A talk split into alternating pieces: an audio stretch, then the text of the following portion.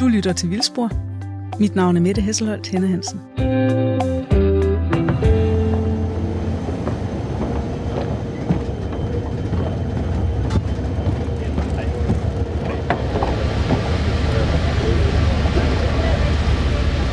Goddag og velkommen ombord på Express 2. Mit navn er Michael Kok, og jeg er skibets overstyrmand.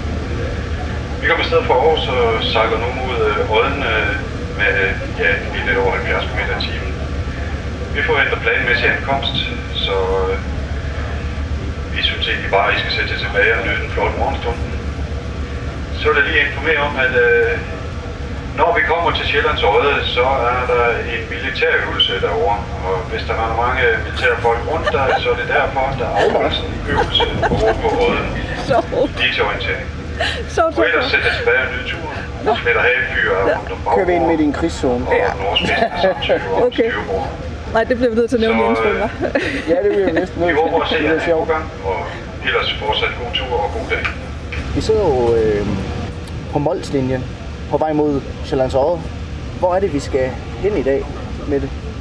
Jamen, øh, vi er på vej til øh, Tisvilde Hegn i Nordsjælland. Ja, Vi skal mødes med Bjørn Lehmann der, øh, fordi vi skal se på et meget, meget dansk naturfænomen, øh, sandfygning. ja. Altså, jeg er jo, jeg er jo ikke den, den, den store sandfyldningsekspert. Altså, hvor, hvorfor, øh, hvorfor er det spændende? Jeg er bestemt heller ikke den store sandfyldningsekspert, men jeg er, øh, jeg er meget jysk.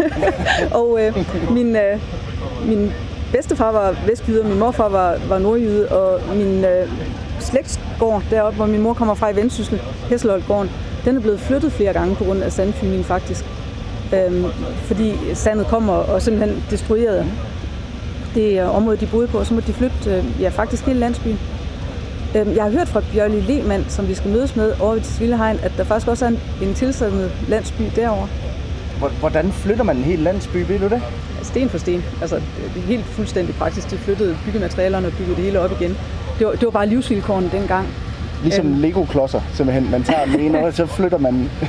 Ja, nu det er jeg heller ikke byggeekspert. Jeg tror, det har været noget, noget bindingsværk af en art. Men, øh, men i hvert fald, så, så tog man alt, hvad man ejede, og øh, var jo så simpelthen på flugt fra et, øh, et, et naturfænomen. Det, det er jo ret vildt. Ja, Og min bedstefar var klitplantør, så han har faktisk øh, brugt meget af sit liv på at øh, bremse det her sandfygning og omdanne det her unødige fygesand til noget produktiv natur i Vestjylland. Ja, Jamen, jeg er jo også, altså, jeg er jo kommet meget ud på vestkysten øh, som barn selv, og der, der har det her med klitterne, og, og det her, det har også altid været en del af det. Der kan jeg også huske nogle gange, at det her sand, nærmest, altså, det, det, det løb jo hen over jorden Ja, en gang imellem. Det så, det så, mod benene. ja, så virkelig vildt ud, og nogle gange så gjorde det jo helt ondt, Ja. når man blev ramt af det der sand. Ja, det er, også, jamen, det er også en del af min barndom. Altså, vi har holdt alle vores ferie deroppe. Og faktisk, så troede jeg, det var noget jysk. Så øhm, det, det var en overraskelse for mig at finde ud af, at øh, nej, det er, det, er faktisk også, øh, det er faktisk også på Nordsjælland. Og Tisvildehegn eksisterer jo på grund af et gammelt sanddæmpningsprojekt. Fordi det var en alvorlig trussel dengang. Det skal man også øh, være klar over. Altså, det har ødelagt folks øh, levebrød og drevet dem fra hus og hjem. Okay.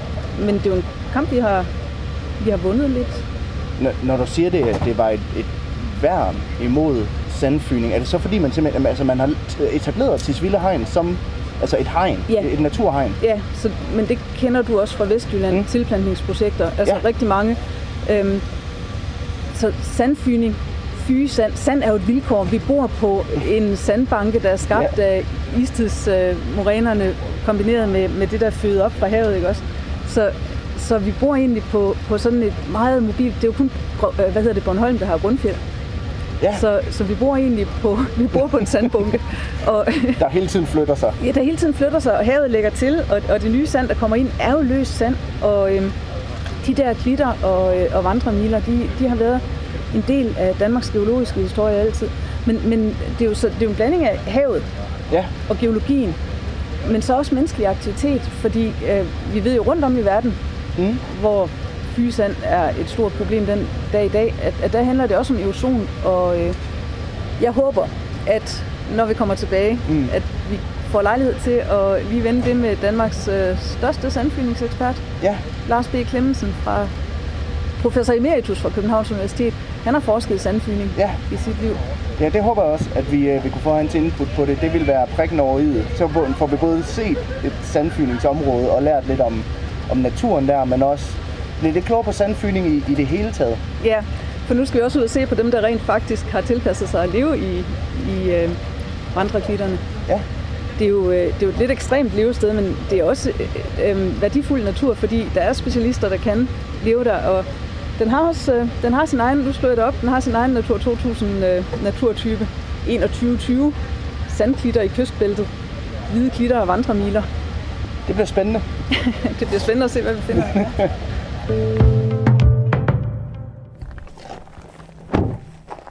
Så nåede vi frem.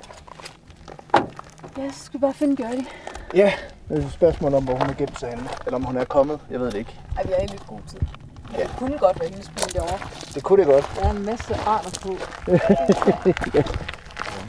det er simpelthen en bil med gyllesværmer og mælkebøtter og skorpioner. Det må næsten være hendes. Det må det næsten være. Hej. Ja, men jeg tænkte, jeg tænkte nok, det var din. Ja, det var det. Jeg hedder Hej. Peter. Det er mig, der er producer på det. Det, det, hej, ja, du får ikke nu, fordi at, øh, selvom at vi ikke har set hinanden før, så har jeg jo, kender jeg dig jo godt, fordi jeg kender dig jo inden for Facebook. Ja, ja. jamen øh, jeg Og kender du- bestemt også dig. Det var din bil. det var du næsten nødt til at være. Nemlig. Jeg havde ellers en, der var meget, meget øh, dekoreret. Øhm, ej, og så var der fandme en, der kørte op i den. Oh, nej. Den anden, den var sølvfarvet. Der var alle mulige dyr. Alle mulige farver. Hvorfor er rød dårlig med på? Jamen det er, jeg prøvede faktisk at vælge med sort, men man kan næsten ikke se det.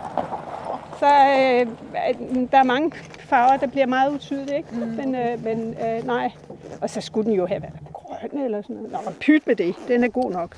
Ja. De, de kender mig jo stadigvæk i, øh, i Allerød. Spørgsmålet er, jeg tror sgu, det bliver varmt, der. Bliver det ikke lidt det varmt? tror jeg også. Ja. Jeg havde en jakke i stedet for. Nu lader jeg selvfølgelig lige mine nøgler her. Nå, ja, nu er året slut. Ej, jeg vil nok lige have. Nej, det vil jeg ikke.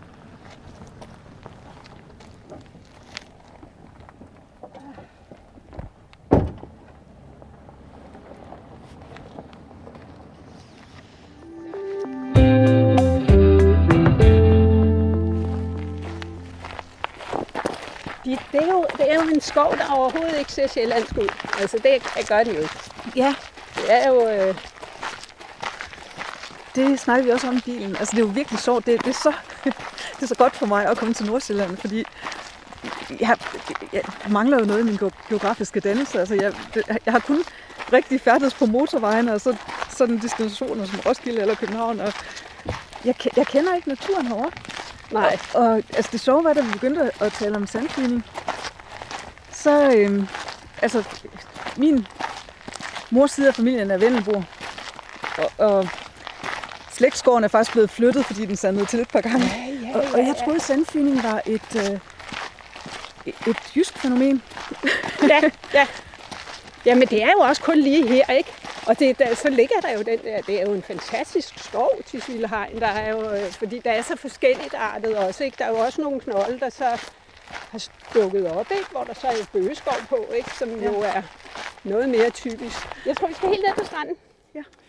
Øh, Men det kan være, mens vi går derned, at du har lyst til at introducere programmet så. Ja, selvfølgelig. I, øh, I lytter til Vildspor på Radio 4.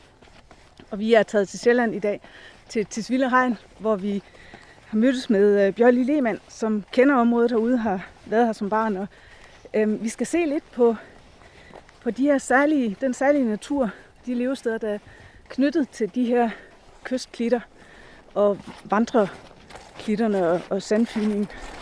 Og så hvad det er blevet til, siden, øh, siden, man kan vel godt sige, siden vi vandt kampen, kan man ikke? Jo, det, det, det er jo det er jo en, en, en, der er ikke mere fyldning, kun lige herude, hvor det jo er fint nok.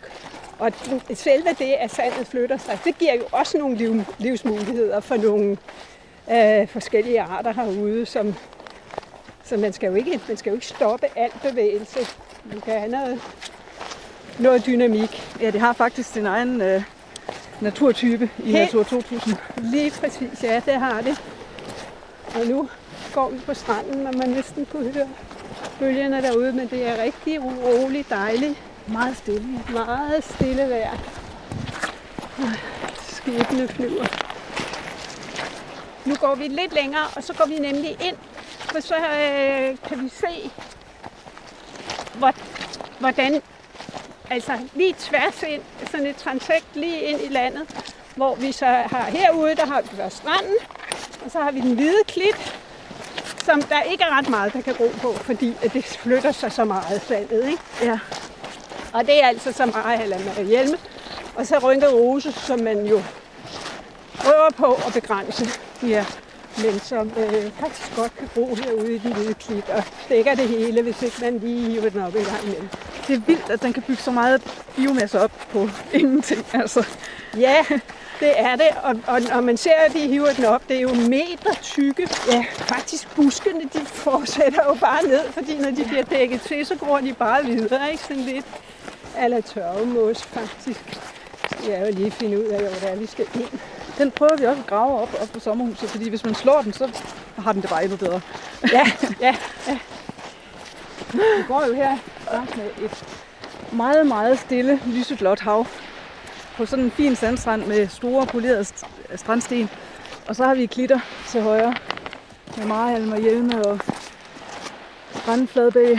ja, og der er lidt af de der noget hvide stenur, det ikke? Og, Ja, og strandarv. lidt, øh, strand. Ja, strand. Nå, ja, strandarv for pokker. Rasmus, som øh, normalt er vært på programmet, er jo botaniker, så jeg, jeg prøver at flashe alle de få plantearter, jeg kan, har chance. Ja, og der var i hvert fald også noget strandsinop, så ja. Jeg synes altså ikke, vi skal gå længere, selvom jeg ikke rigtig synes, det er helt det rigtige sted.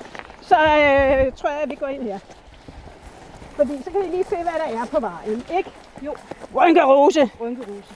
Ja. Ja, små platter, men de breder sig. Og de går altså ind, revene øh, går ud og spiser altså de her hyggen. Man kan Ja. finde sådan helt røde revlorte derinde. Da, Jeg har altså en gruppe på Facebook, der hedder Spørg lige Bjørli, og jeg får altså simpelthen så mange billeder af lort. og jeg tror næsten halvdelen af det, ikke? der må jeg sige, at det er rev. Det er rigtigt, de spiser alt muligt. Ikke?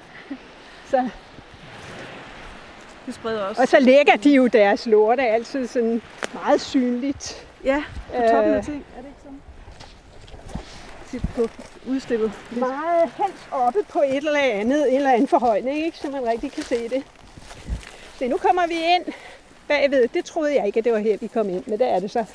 Øh, fordi der kommer meget mere vegetation lige snart vi, vi er ude fra der, hvor det rigtig blæser meget. Ikke? Så Ja. får vi nogle flere planter. Der er den her, den er der rigtig meget af. Det er en øh, smalbladet høgeurt. Ja. Øh, men den er ikke i blomst længere, tror vi. Så den er over det hele her. Ja, og, og sandstar. Ja, den, den hedder høgeurt, fordi... Nå ja, sandstar er der også, ja. Og, og Sandskæg, ja. Skidskæg. ja, og det er en arve, det er det der. Sandskæg giver sådan en fin lilla, fin lilla skær, synes jeg. Ja. Ja. Bitte små blåmunker også i blomstringen. Ja, sørme. Ja. Ja, nu må der øh, være lidt mere her. Men der er jo også, øh, altså det er vel slid, der holder det åbent her, er det ikke det? Fra sommergæsterne. Det tror jeg. Så det kan holde lidt gang i dynamikken. Jeg Ja. ja. tænker på, det var lille. Øh, min bedstefar var klitplantør, og vi fik altid at vide, at vi skulle gå på stierne. Vi måtte ikke slide på klitterne. Ja. Men, øh, men i dag er det vel næsten noget, vi har brug for at melde slid, så vi kan Ja. stadigvæk, som du sagde, have gang i lidt af dynamikken. Jamen det er rigtigt, og man møder nemlig også øh, tit folk, der siger, åh nej, man skal ikke gå ind i, øh, i, på hederne øh, i hedeløngen, fordi så knækker den og sådan noget. Ja, det er den rigtig glad for. Det er rigtig godt at gå ind og, og knække hedeløngen, ikke? fordi øh, det fornyer den jo. Ja. Så, øh, så det må man bestemt gerne øh, lave lidt slid. Så det kan være en vildspors opfordring. Gå væk fra stierne. Ja. Ja. Altså, der er jo rigtig mange, der er bange for hugorm og sådan noget, sådan ja, nogle steder her. Og, og man kan, øh, altså jeg har én gang set en hugorm her, øh, faktisk lige om på den anden side i den grå klit, ikke? hvor øh, at de er altså godt, men der er ikke mange hugorm her, det vil jeg våge påstå. Og de er jo væk. De er jo som regel væk, ikke, når man jo. kommer trampende her.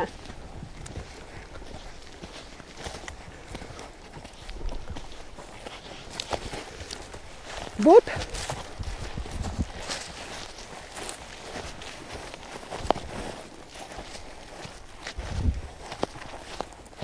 Her er der jo meget, ja, fordi for, her gider folk ikke være, vel?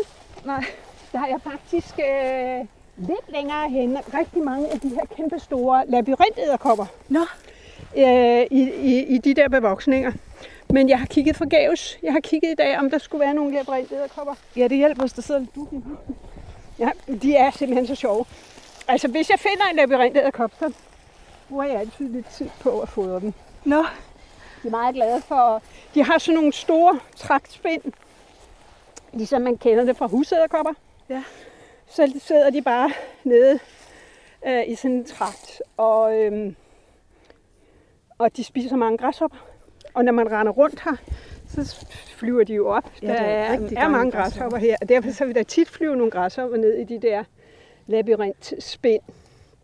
Og så ser man den der æderkop komme ud af sin trakt der. Det, det er sådan lidt sjovt. Men her er der jo sådan set dækket. Altså det, det er så det, man kalder en grå klit, ikke? Med, med krybende pil og ja, hvad hedder det, harkløver og øh, ja, nogle ting. Men, men, er det ikke den, der er meget af her? Tror jeg. øh, ja, det er, ja, det er bynke. Ja, Strandbynke. Nå. strandbøge. Det er strandbynke, jeg tror, det hedder. Men, og så om på den anden side, så er det jo faktisk sådan fuldstændig hede. Øh, med, øh, stadigvæk er det jo specielle planter, der kan gro her, fordi vandet løber jo af med det samme. Det er jo kun lige vådt, når det regner, og så øh, er der jo ikke rigtig noget til at holde på vandet i det her sand. Der er jo ikke ret meget humus. Der er en fin lille en her. Nej, ja. Er det strandtusind gylden? Måske? Eller? Uh. Fin lille lysrød plante. Det er i hvert fald en lille, ja. Øh, ja. Jo, ved du hvad, det tror jeg faktisk, det er. Det er også en sen en. Ja.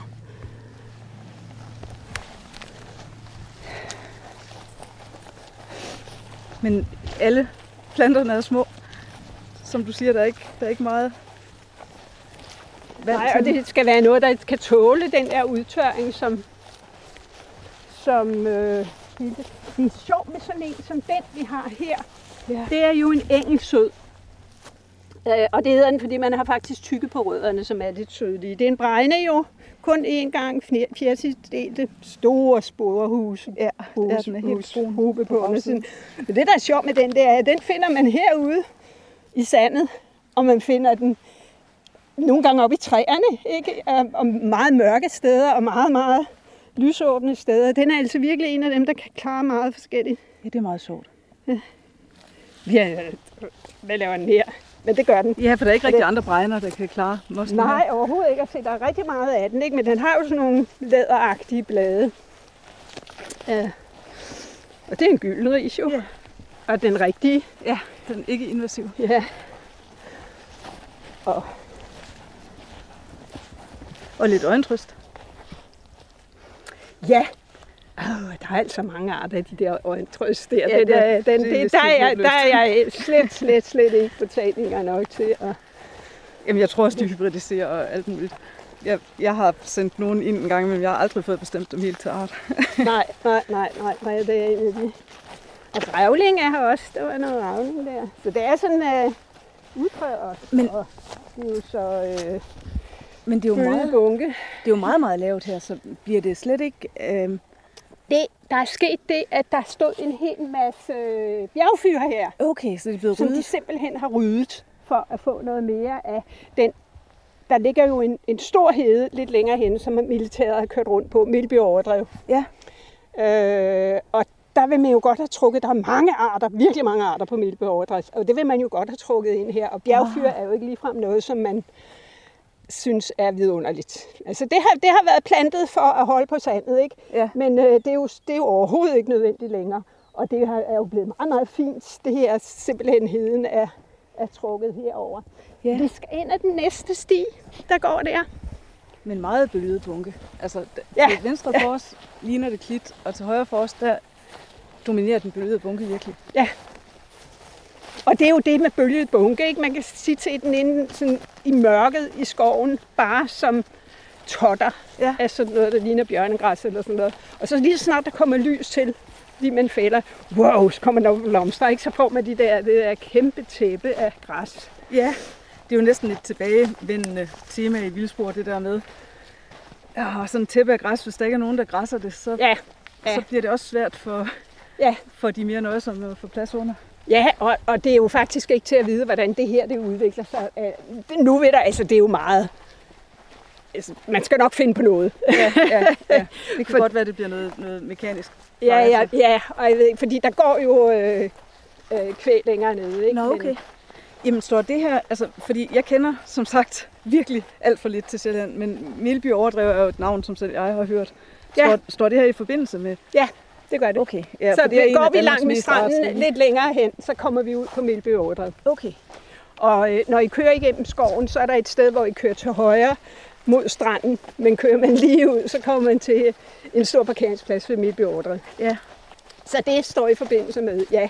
Så det er sådan ret nemt at, at få spredt nogle arter her hen til det her område. Og nu kommer vi jo så ind i Troldeskoven.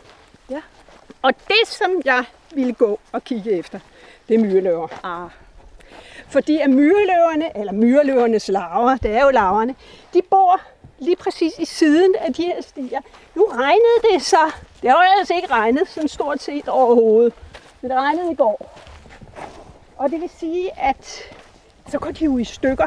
De laver de her små trakter ned i sandet, og de bliver jo regnet i stykker. Ja. Men skulle undre mig, om vi ikke skulle kunne finde nogen her i kanten af stien. Øh, de kan jo ikke lave noget i det der nej. snas der. Der skal være lidt åben sand, og det skal jo ikke være midt inde på stien, hvor man træder hele tiden, så det er lige ude i kanterne, hvor at vi skal, gå- at der kommer noget åbent herover. Så det vi går Så på her nu tror jeg er også, se af sådan et sted her. Ja. Her bør der være. Skal I se? Hvad? Der er der i hvert fald en, ikke? Åh oh, ja. Og, og jeg gætter på, det er en lille bitte en der. Åh, ja. Og jeg er ikke sikker på, at det er fordi, det er små myreløver. Det kan godt være bare fordi, der er også en der, Vi har repareret fra i går. at de ikke rigtig har fået dem lavet. Ej, men Øh, nu sagde du fodre labyrintet Kan vi ikke finde en lille myre, vi kunne smide i? Hvor jeg har gået og kigget og kigget. Jeg har faktisk et, et glas i min øh, lomme, nej, det lagde jeg inde i bilen. Øh, fordi jeg tænkte, nej, jeg vil have en myre. Jeg synes ikke øh, rigtigt, at jeg ser gang i nogle myrer her, men der må jo være nogen, fordi det ellers andet har det der levet af. Et eller andet lille kræ, der kan ofre livet. Det kunne godt ligne sådan en udgravning af et par myrer der, men der er er ikke sådan lige udpræget. Du lytter til Radio 4. Og hvis, hov, jeg har en myre, Jolly. ja, ja, så I lytter til, til Vildspor på Radio 4. Og øh, jeg hedder Mette Hesselholt Henne Hansen. Jeg er gæstevært i dag, i stedet for Rasmus Ejernes, der plejer at være vært på programmet. Og vi er taget til, øh, til Sjælland, til til Svillehegn, hvor vi mødtes med Bjørli Lehmann for at se på nogle af de, der er et kræ her. For at se på nogle af de arter, der er knyttet til, øh, til det her flyvesand, som, øh, som også er en stor del af Tisvilles historie. Og øh, Bjørli har fundet en myreløvetrakt til os, Og Så- der er altså også nogle øh, små vilde bier her, som graver. som åben, ja, en eller anden. Øh, hmm, som åbenbart også går ind her, og som okay. jo altså også er glad for det her Ja, specielle. Og hvis I kigger her, her der er også der er masser af små trakte. Se der, der, Ja. der, der. Men de er godt nok små. Jeg tror, det bliver, altså jeg tror, man bliver nødt til at kvæste en myre ret meget for Ja. at få den Men til altså, at blive, ellers så løber den altså op igen. det kan jeg også godt få over min samvittighed. jeg havde Altså, ja, ja, ja, ja, sådan noget kan jeg altså godt finde på at gøre. Lige sådan at gøre den lidt uh, forvirret, ikke? Jo. Det bliver alligevel ikke rart for den at blive... Uh... De fleste myrer har jo Et kort liv og en brutal Åh, oh, nej, se den der! En sandvips! Wow, ja. Ej, se en Ah, ja. Nej, hvor er den flot! Der, jeg Hey, ser lige, om jeg kan få et billede. wow! Har, har du øje med den? Den er virkelig stor. Ja, øh, og en, vid, en vidunderlig barsk satan, ikke? Altså, det er jo en dame, og hun render rundt og leder efter sommerfuglelarver, øh, som hun stikker og lammer og graver ned i et hul i jorden, hvor hun så lægger et æg på dem. Og øh, så kommer der ud af æggen en lille sandvipse larve, som så udsuger den stakkels øh, sommerfuglelarve nede i mørket. Og den er jo ikke død, den er bare lammet. Øh, og så kommer der altså så en ny sandvips ud til næste år. Og det er almindelig sandvips, den der, og den er jo slet ikke til at stå for. Nej. Hun har også brug for noget godt løst sand og grave i sig. Ja, og øh, det, det er jo ikke, altså det er sådan nogle steder som her, at, at man kan finde dem, ikke? Det er jo ikke, man kan ikke gå ind i en dansk, sjællandsk bøgeskov og finde sandvips. Det er heroppe, man skal. Jeg må lige have et billede af myreløvtrakten også i hvert fald, selvom vi ikke... Øh... Ja, vi kan jo også prøve at grave en af dem op. Og ved du hvad? Det har jeg, fordi øh, oppe i Vendsyssel, der har vi også myreløver. Og jeg har prøvet, også sammen med mine børn, og de slipper altid fra mig. Vi har endda stået og læst dem op i et dørslag. Ja, de, ja, de løser bare det aldrig. Det er heller ikke nemt. Det er heller ikke nemt. De er meget, meget hurtige. Øh, De graver sig lynhurtigt ned, og de kan også ligne ingenting jo. Man får dem op. Jeg vil jo synes, den der, der vil jeg gå ind her. Øj, øj, jeg skal Øh, men, men nu har jeg jo så meget her. Jeg skal nok... Ikke her. Det ville være så cool. Vi lavede jo på Læsø, der var rigtig, rigtig, rigtig mange. Det så jeg godt. Det er ikke... Nå. Øh, men jo mere sandet er vådt, jo mere rigtig... Så ligger den bare stille, ikke? Okay. Og så på et eller andet tidspunkt, så begynder den at bevæge sig. Jeg synes, den skulle være oppe i det der. Ja, fordi I, I gravede nemlig myreløver op i et afsnit af 1, 2, 3 dyr. Ja, vi gjorde. Det så Og jeg. det var nemlig os, der fik dem. Øh, det var nemlig os, der fik den deroppe. Det var ellers virkelig møgvejr på den der, hele den der tur der. Det ser jo ikke udpræget øh, succesfuldt ud, det der. Ej, men der er også et eller andet med vildspor, og så øh, vores held med faktisk at se de dyr, vi prøver at få fat i. Se, det er jo så nok også en, øh, kunne jeg forestille mig, at det var en den der, ikke? Ja, det hvert Fordi det gravede ud for nylig, det hul der. Ja. Øh, og de små bier, som jeg så, det var jo en eller anden jordbi, og den graver ikke så meget. Det havde altså været smartere, hvis, hvis det ikke lige havde regnet. Mm. Øhm, det skal helst være helt løs sand, fordi det filtrerede vi det sådan ned.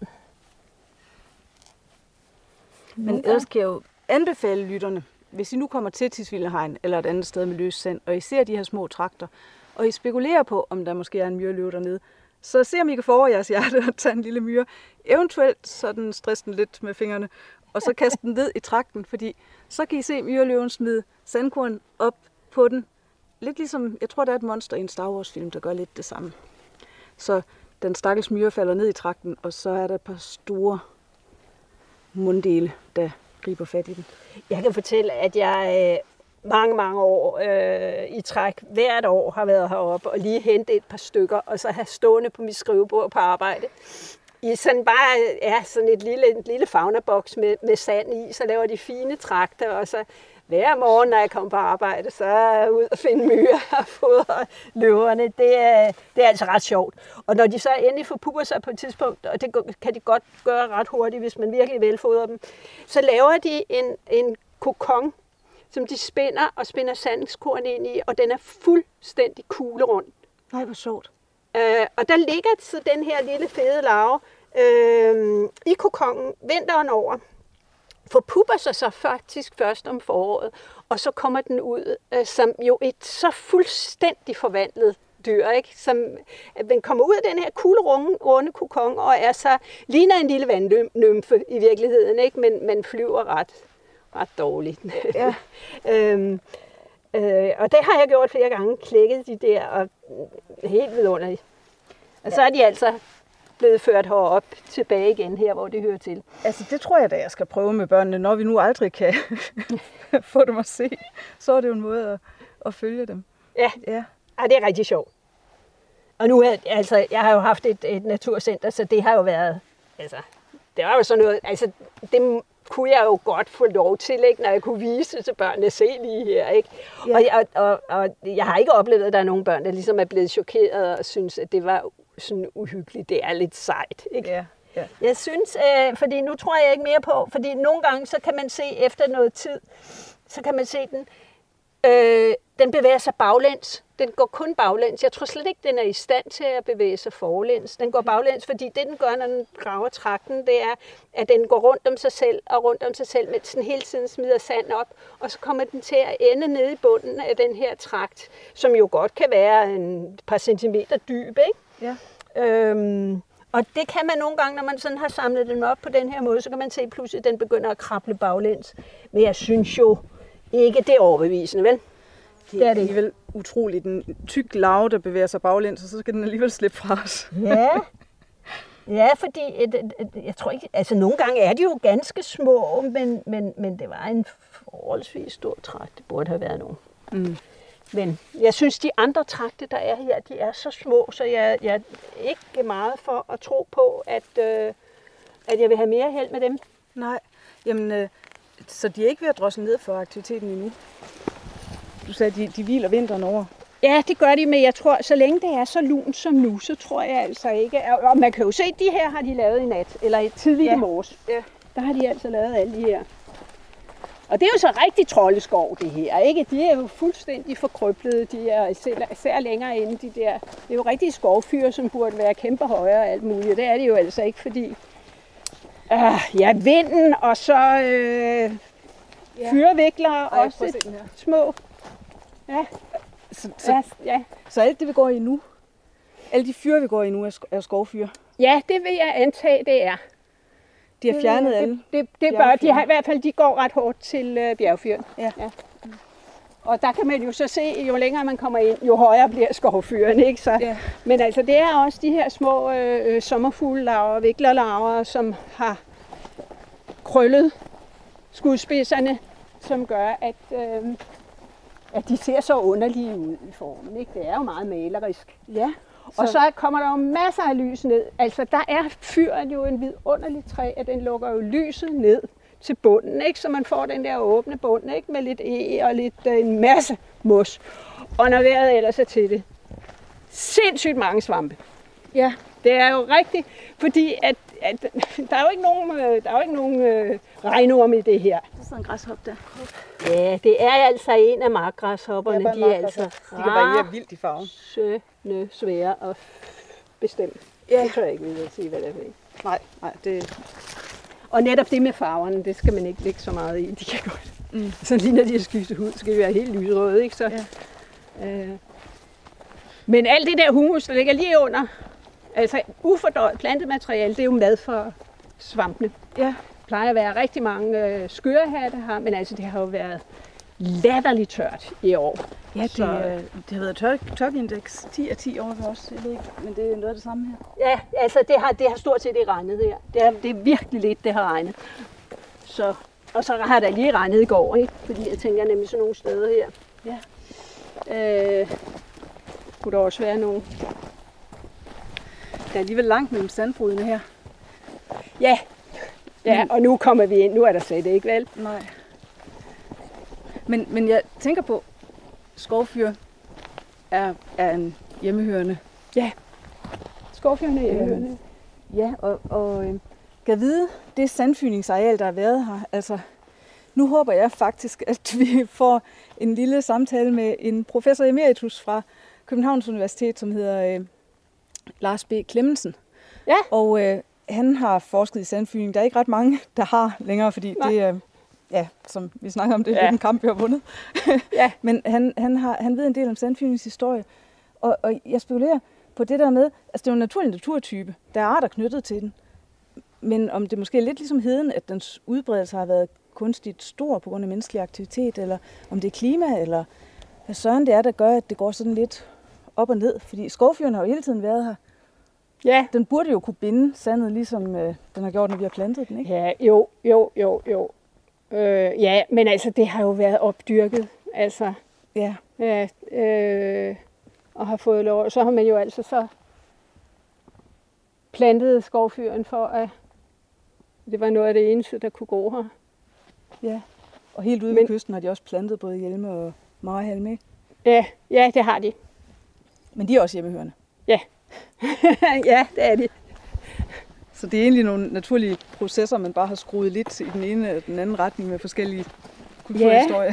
Ja, ja, ja, fordi at det har nok ikke, øh, altså jeg tror ikke, at sandfyningen ville have været så voldsom, hvis ikke det var fordi, at man havde fældet alting, ikke? og havde mm. lavet marker, ikke? hvor det bare kunne løbe ind over.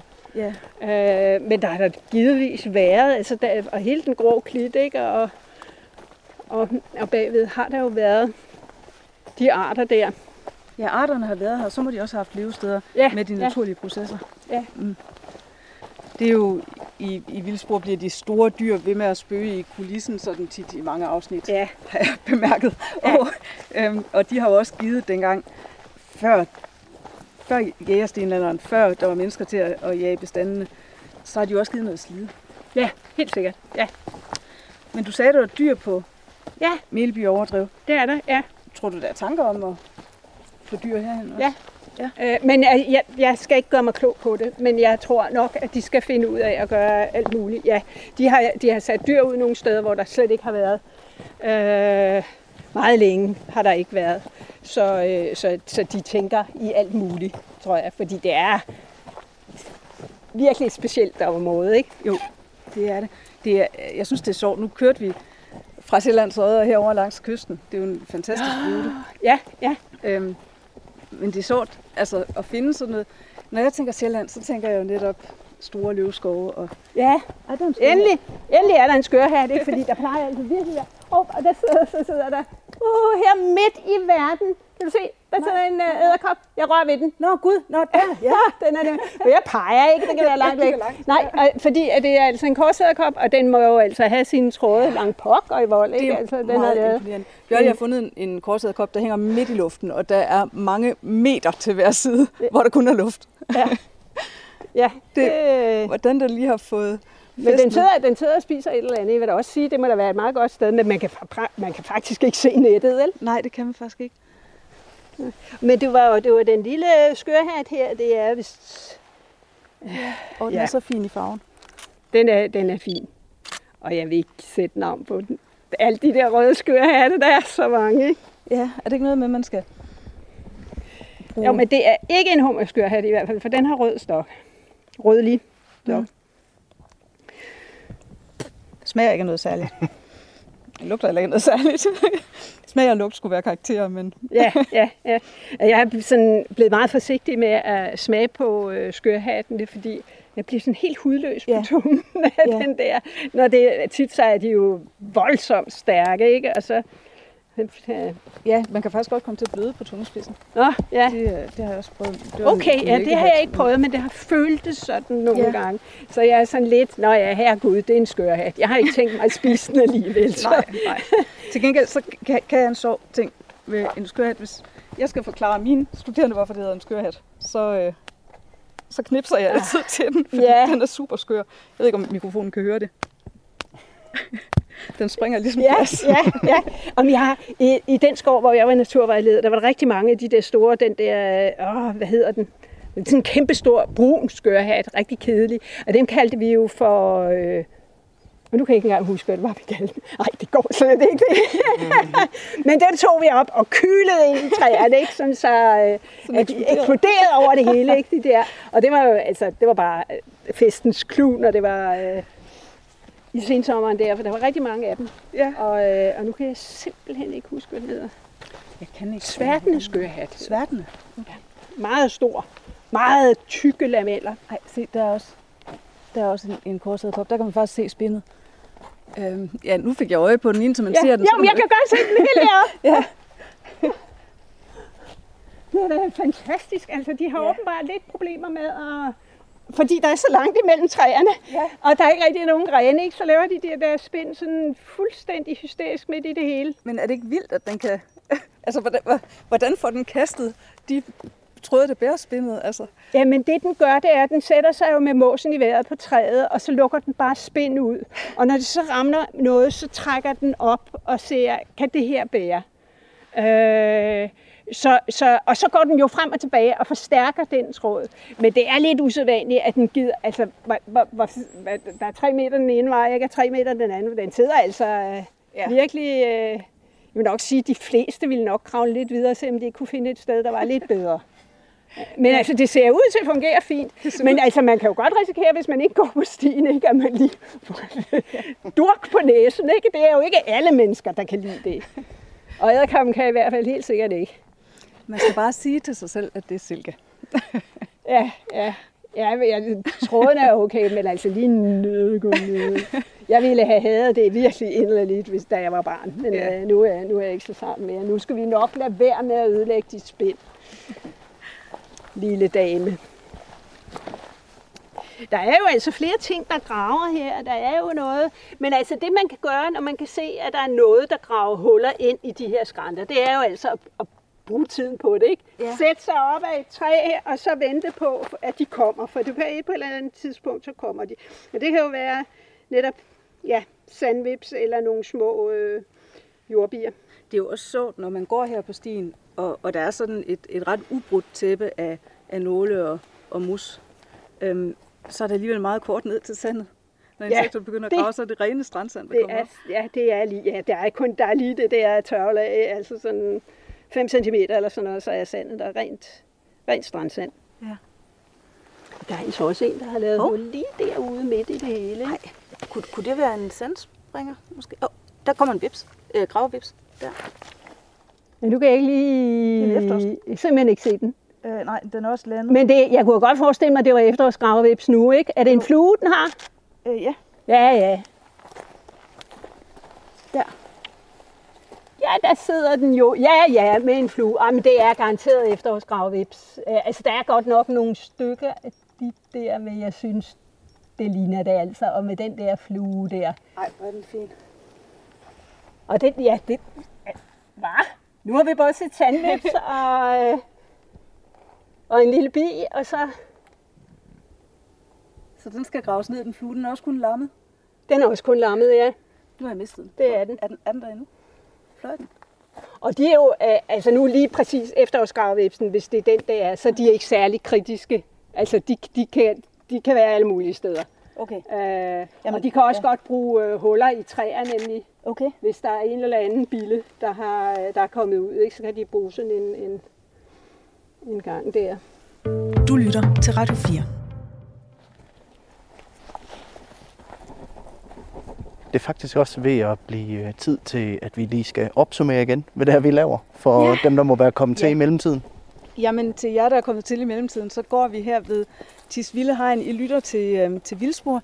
Jeg hedder Mette Hesselholt Henne Hansen, og jeg er gæstevært for Rasmus Ejernes, der plejer her programmet. Og øh, jeg er ved at blive vist rundt af Bjørli Lehmann, som kender området her ved Tisvildehegn. Og det er jo et sandflugtsområde, som vi går nu i øh, Troldeskoven, en, en del af øh, den fyreplantage, der er plantet for at dæmpe sandflugten. Og vi har fundet en masse sanddyr.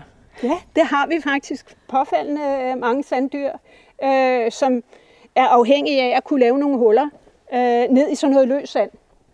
Øh, og især øh, den øh, sandvipsen, som ikke havde noget bytte, men man ser den ellers tit rende rundt med store larver, som den graver ned. Og så myreløver, som altså kun er i nærheden af, af kysten eller steder, hvor der er åben sand. Det skal der være. Og de er jo altså bare så sjove. Ja, altså. ja det, det lykkedes ikke at fange en, men vi så den strakt rigtig ja. godt. Og, og, og jeg tror, at jeg vil tage det der tip med fra dig, med simpelthen at flytte det over i, et lille, i en lille faunaboks. Ja, og, så, øh... og man kan altså også godt opleve, at selvom man siger, åh nej, jeg har ikke fået fat i den, kom den over i faunaboks. Det kan sagtens være, at du har fået fat i den, men bare ikke kan finde den imellem det der sand der. Ja. Jeg tog engang to myreløver med hjem, troede jeg, Men der kom fire trakte, så, så, så, så jeg har bare taget sand, og der har altså også været myreløver i. Ja. Oh, der er flere ting, der flyver her. Ja, så snart vi har lidt... Altså, den her sti giver jo også lidt eksploderet sand, fordi der er slid igen. Ja, ja og, og netop myreløveren, det led efter dem langs med stierne. Det er absolut der, det er nemmest at finde dem. For de kan også godt være i brud længere ude der i øh, hedeområderne, men altså det er, det er langs med... Og jeg tror også, at vi har set så mange, fordi der lige er kommet vand i går, fordi det har været så tørt, ikke? Der er ligesom kommet lidt gang i insekterne, ikke? Når der kommer en lille smule vand. Ja. For det har været... Der flyver en del omkring, det gør der. Ja. Også i betragtning af, at vi trods alt er midt i september. Ja. Der, de skal lige have de sidste flyver også. Nej, den stak af igen. Nu er vi så ved, ved, ved parkeringspladsen, den store parkeringsplads ved Stengehus. Og hvis vi går om på den anden side, så kommer vi jo ind i noget, som, altså der er jo sandflugt øh, to kilometer faktisk, ja. øh, har, har det været sandflugtsområdet herfra, og så ned til Nyveje. Øh, men, men det er jo meget mere tilgroet, i, øh, når vi kommer længere ind. Men stadigvæk med et høj grad af, af skovfyr og birk og e, ikke? Ja. der er derinde. Der er en stor flagspætte, og meget højere. ud bag os. Det, jeg kan bare ikke lade være med at nævne den, fordi den måske går i mikrofonen. stor, stor flagspætte, der sidder og siger, kyp, kyp, bag os. Og der er jo også sort spætter heroppe. Oh. Når man kører hjem, øh, der er et, øh, når man kører af, af, af, af, af vejen, et sted lige ind til højre for vejen, der er, står der et, et gammelt øh, udgået Det så vi, tror jeg. Ja, ja sådan hvor meget tyk en, hvor store hul. huller. Ja, ja. det er ja, sortspætten. Det, det ja. snakkede vi om, at det lignede et spættetræ. Ja. Nå, er det sortspætten? Det er sortspætten, ja. Det er et vægtigt hul, ikke? Der er... men, men det er jo også sjovt, fordi man kan sige, at sandflugten var et problem. Den tog jo levebrød fra folk og jo dem fra hus og hjem, som du også fortalte med landsbyen der. Øhm, og, og så er det jo egentlig altså et sanddæmpende tiltag, men, men så forandrer det så meget andet, ikke også? Sortspætte, ja. den har vi jo ikke haft. Den, jeg tror, det var her, den startede. Det var okay. et af de første steder i hvert fald, den kom, ja. øh, da, da, da de, de kom op fra Sverige. Ikke? Og så, der er jo flere planter også, som hører til i de svenske skove, ikke? Er kommet med herover. Øh, Linnea, Ja, nå, er den også den, den gror her, og den gror et eller andet sted. Det er faktisk her i nærheden af Stengehus, øh, skulle man kunne finde den. Ganske lille, meget, meget sød plante, som altså har fået navn efter øh, Carl von Linné, ikke? Som, som synes, han var sådan en lille beskeden en, ligesom den her lille lysrøde plante, hvilket han absolut ikke var. Han var. Jeg tror nok, at han har været lidt svær at omgås. Men, men, men øh, han synes altså, det var, det var den plante, han bedst kunne øh, identificere sig med. Og den er altså her, og det er ellers meget sjældent i Danmark, ikke? at vi ser den der. Men den, den kryber rundt, og den blomstrer altid i juni, så jeg tror ikke, vi kan finde den. Nej, det er nok for sent. Ja. Mm. Skal vi øh, fem, der, der går en sti derhen, ja. og så gå ind af, og så kigge. Fordi så kommer vi nemlig til noget, der er meget mere rodet op jo. Ja. Og der er jo også, der er jo, øh, hvad hedder det, øh, tømmermand her. Nå. Også. Det er også en, en, en der er væltet her, er det ikke? Jo, det er det. Så nu står vi en mægtig, mægtig, mægtig stor og væltet skovfyr underligt klatretræ, ikke? Ja, og altså, så i øvrigt også et naturligt insekthotel, der er masser der, af borehuller her. der er nemlig træbukke, der har været i den her. Øh, og netop øh, tømmermanden, den går kun i øh, frisk væltet eller fældet øh, skovfyr. Nå. Øh, og den er sjælden. Altså det er ikke ret mange. Jeg mener, den er på Bornholm, ikke? og så er den heroppe. Den og det er jo en træbuk med sindssygt lange antenner. Okay. Altså hannerne har jo antenner, der er nok tre gange så lange som selve bilen, ikke? så det er jo en fantastisk, men de er altså rigtig svære at finde. Uh, vi fandt dem i en af de der udsendelser der, men man skal have nogen ja, til at fortælle lige præcis, hvor de er henne. Og de går jo ikke i sådan noget. Det skal være frisk, friskfældet eller frisk væltet, og så lægger hunderne æg i. Men ikke og, levende? Ja. Altså, det skal være væltet? Det skal være, ja, det er ja. døde. Er, de beboet, de huller, vi ser i fyren? Nej, det er flyvehuller. Nå, så øh, de ja. laver, der har boet inde i den her, de er, de er væk.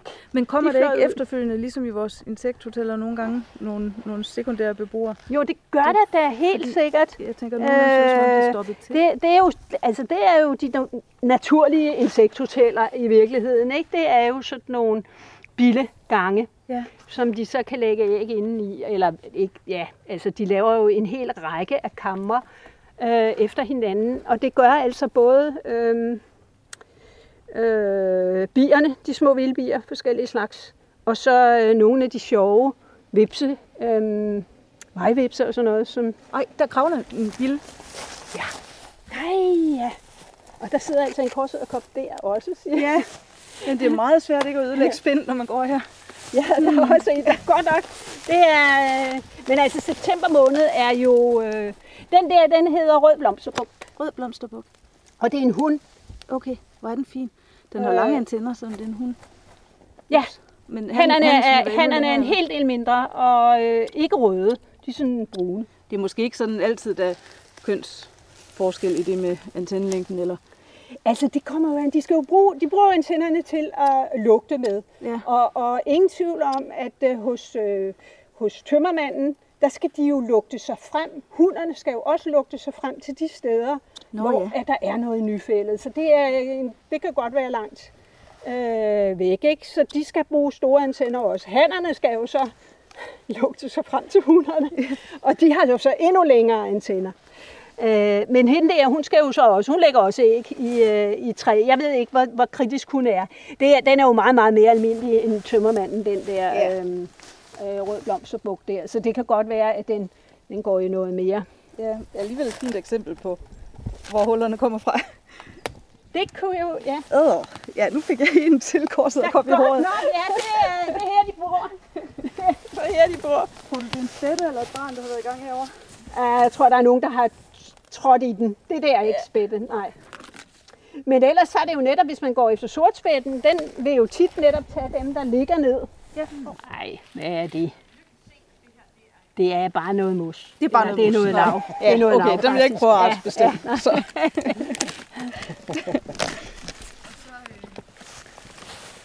Men tit, så hvis man kan høre sortspætten sidde og hakke, så er det jo tit i sådan noget træ, der, er, der ligger nede på jorden, at den sidder og hakker i. Ja. Øh, så man skal ikke gå og kigge op i træerne, men øh, det der, og så kan de jo fuldstændig smadre sådan et træ. Men det ser anderledes ud, hvis det er sortspætten, mm. der har taget det, end det her. Det tror jeg bare, at det er blevet hoppet på, Ja. og det er meget øh, mørt. Jamen, som du sagde, det er også et virkelig indbydende klatretræ. Det er jo et af de her krøllede fyrtræ, der har lagt sig ned, og der er stadigvæk grene, der sådan går i alle retninger hen over jorden. Ja, det er super, super. Det er de bedste klatretræer, og de holder oven i købet ret længe. Ikke? Ja. Øh, så.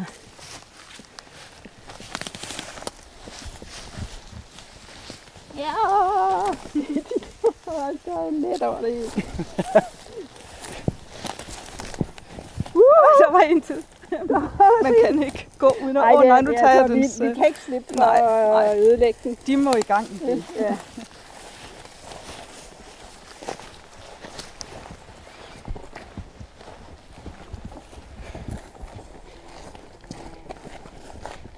Det er en også stadig. ja, det er det. Og tror I det?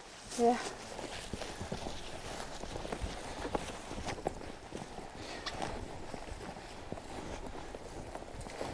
Det er sjovt, fordi det er jo også sådan, altså en, en art, vi kunne have fundet i, uh, i klitten, liden klokke. Men den ja. kan godt stadigvæk herinde, som du sagde, skovfyren lukker. Ja, hvis der, er, hvis der er lidt lys jo. Ja, Og her har vi så enebær, som jo også er, har været, er meget karakteristisk her. Der er faktisk rigtig meget enebær. ja. Og Og slå. slåen.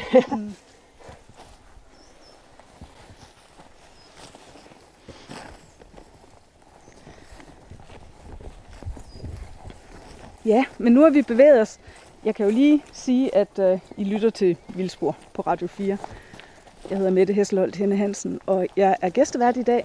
Det er Rasmus Ejernes, der plejer her programmet jo.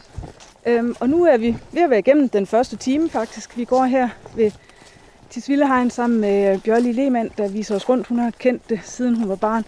Og, øh, og vi startede ude ved vandet, og så er vi gået ind over den hvide klit og den grå klit, og ind hvor man har ryddet for bjergfyr, der har været brugt til at dæmpe sandflugten en gang. Og så er vi kommet ind i noget, der er med hjemmehørende arter.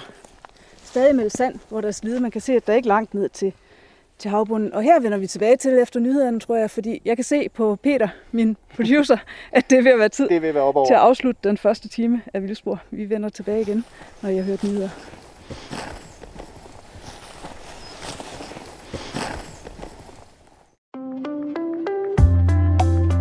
Du lytter til Vildspor. Mit navn er Mette Hesselholt Henne Hansen.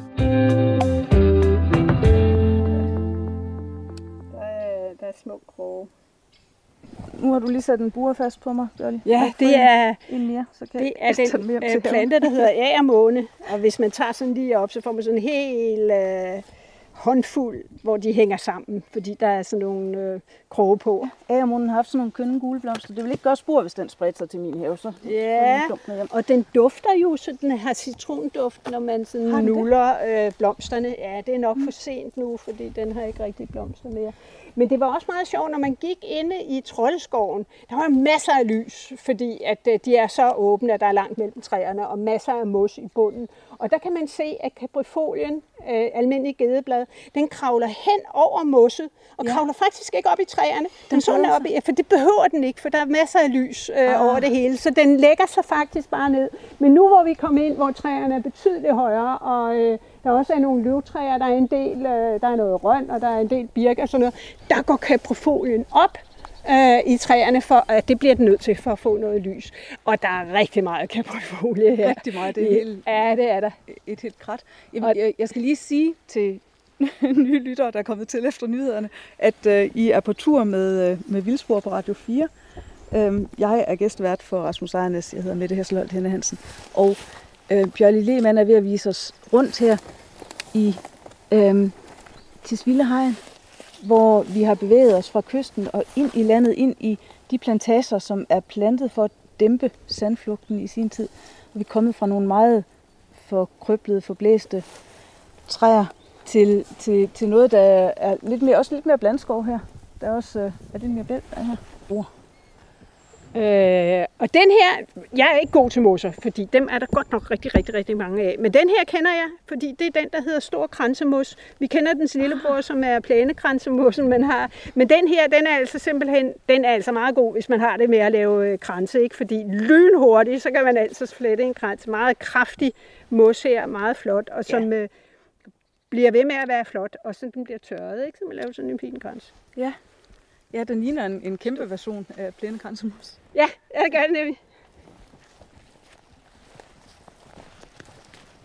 Og så er der rødskov myre.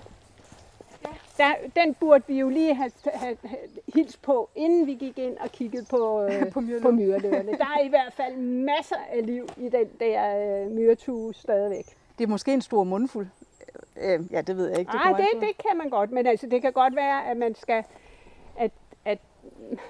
Man, det gør ikke noget, hvis de har et brækket ben, vil jeg sige. Nej, okay, hvis de den kommer ud for et uheld, det før den mødte en myrløv. Så er de meget hurtigt op igen, når, når trækkene er så små, som de der var. Mm. Det er meget flot. Øh, tynd og svamp her på den der birk der, og den er... Der, der er også en her. Det kan jeg også huske, at der var en billig fandt i sådan en Ja, i 1, 2, 3 dyr. det ja. var det. Det var, øh, det var nemlig øh, tierskyggebille, Ja, vi fandt i sådan nogle svampe, men det var nu faktisk i birkeporesvamp. Mm. Men den kan også godt være i tøndersvampen her. Man kan jo se, at der er noget, der har boet her, men den, det er vist et stykke tid siden, så der er fine billegange i. ja. Jeg tror, der har været. Det, det er så sjov en lille bille, ikke? fordi den er så fin Ja, øh, og blank og glat og ren, når den kommer ud af sådan en snavset svamp her. Det er sådan lidt ligesom de der møgbiler også, ikke? hvor man også... Hvordan holder de så rene, når de kravler rundt i en kolort? Men det kan de altså godt. ja, de er lakerede. Ja. Spørgsmålet var, om ikke man... Altså, det er fordi, at jeg ser lys inde til højre. Jeg ser, at der er en rydning derinde. Med opvækst, en hel masse opvækst af birk. Jeg tror, at der kunne være noget sjov herinde. Det kan altid godt betale sig at gå lidt væk fra stierne. Altså, medmindre man lige skal finde myreløver, ikke så? Mm. Øh, se, det er så sjovt. Det er øhm, øhm, brand, brandbæltet hårbursvamp, den her.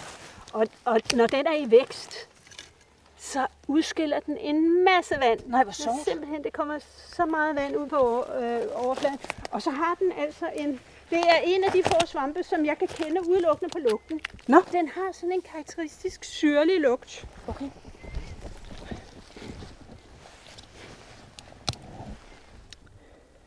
Og den her er også i vækst, og også fuldstændig pladervåd. Ja. Den skal du snuse det. Ja, hold da op. Jo, altså det er ikke en ubehagelig sølvlugt, men det er en- meget... Hvad minder den om? Den, den, den, er, den minder om randbæltet hårbursvamp. det er, det er, men det er, det er, det er udpræget syrligt, men, Ja. ja. men, øh, men meget karakteristisk. Jeg synes ikke, der er nogen andre, der... Jeg vil våge påstå, at folk kan stikke den ned under næsen på mig, og så vil jeg sige, ah, Randbæltet hårpursvamp. den vil jeg godt være, ja.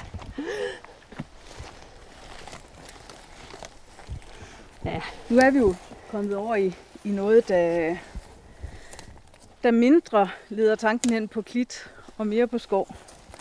Ja. Og det er jo også en skov, det er en plantage. Ja, det er en plantage, men det er jo i mildt sagt ikke sådan, så træerne står på række- rækker, og der er Nej. rigtig mange forskellige øh, Aldre. aldre, og, og, og, og for, det, det er jo, øh, det, det, ja, Det noget, er også et spættetræ, vi har her. ja, Så øhm, selv hvis det ikke er urørt, så er det ikke blevet driftet hårdt i hvert fald, det her. nej, det er det ikke. Og det er et spørgsmål, om det er, fordi det ser lidt underligt ud med alt det der birkeopvækst, om det bare er væltet. Ja. Øh, Det skulle man næsten tro, at, at der var væltet nogle træer her, ikke? og så er det jo birken. Birken er jo rigtig pionertræ, ikke? Den sætter jo ja. virkelig mange frø, ikke? og lynhurtigt op. Rup.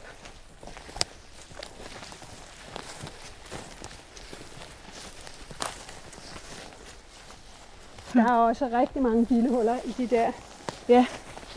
Og så dermed meget mad til spætter.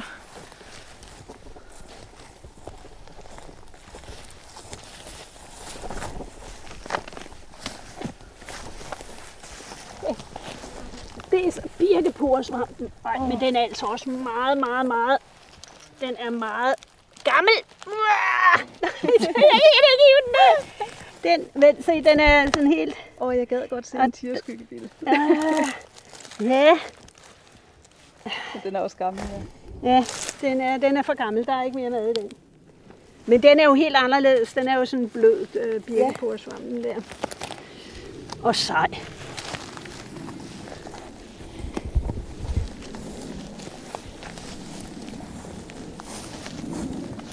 Hold da op, det er også Ja, et mørt stykke gammelt fyr, vi har der. meget, meget opløst øh, stykke stamme her. Og det ligner sort slavemyre. Er det rigtigt? Ja, det tror jeg, de er en hel del større end, end havemyren, ikke? Ja. Den bider mig. Gør den det? Ej, det gør altså ikke ondt. det gør det altså. Ah, nu vip igen, så kan jeg lige... Øj, der. Ja.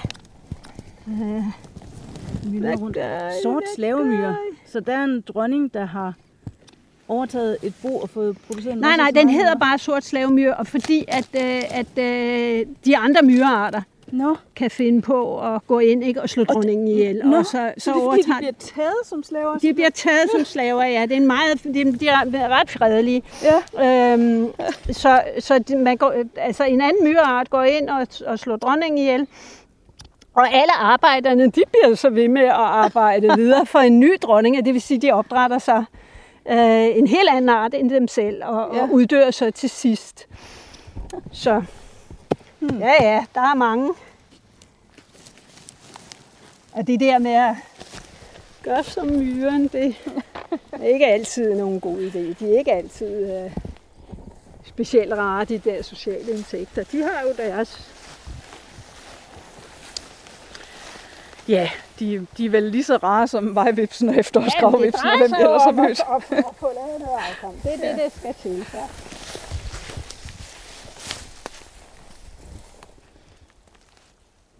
Der er flere birkeporsvand på den birk der, men de sidder så højt op, at vi ikke kan komme til at kigge efter skyggebiller.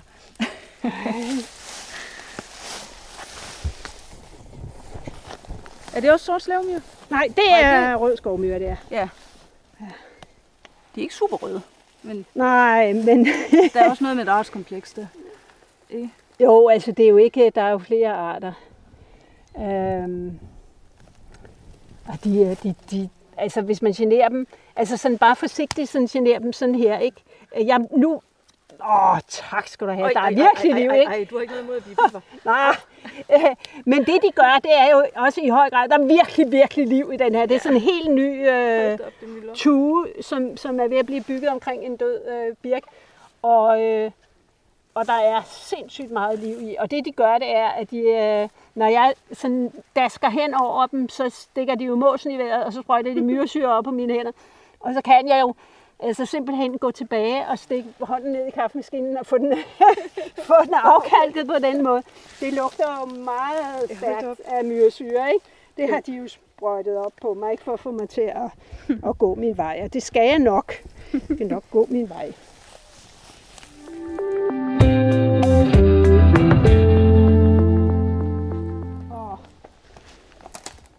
Jeg er ikke mange svampe, men jeg har da lige fundet en. Almindelig stinksvamp.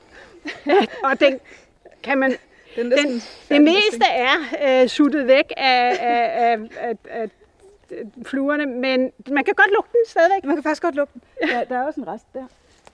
Ej, Det er utroligt, som den lugt hænger ved. Og så kigger jeg ind i en, en anden, øh, og hun er ikke meget for at give slip på den der flue, som Nej, jeg... Nej, hun kommer Det- tilbage. Men det er altså også flue. bare et net, jeg er gået ind i. Det er den, øh, der hedder høstederkop. Du har Som- hø- høstederkoppens øh, planlagte frokost. Ja, og hun ikke... Uha, det er altså gør lidt ondt på hende at skulle slippe den flue der, men... Almindelig stinksvamp, det er også en nedbrud. Den stinker af rødent kød. Det kan lytterne ikke mærke, og det skal de nok være glade for. Det kan være, jeg skulle sige til lytterne, at øh, I lytter til øh, Vildspor på Radio 4. Jeg har fået lov at være gæstevært i dag i stedet for Rasmus Ejernes, og jeg hedder Mette Hesselholdt Henne Hansen. Jeg går her sammen med Bjørn Lehmann, som viser os rundt ved Tisvilde Hegn, der jo er et sjællandsk sandfyningsområde.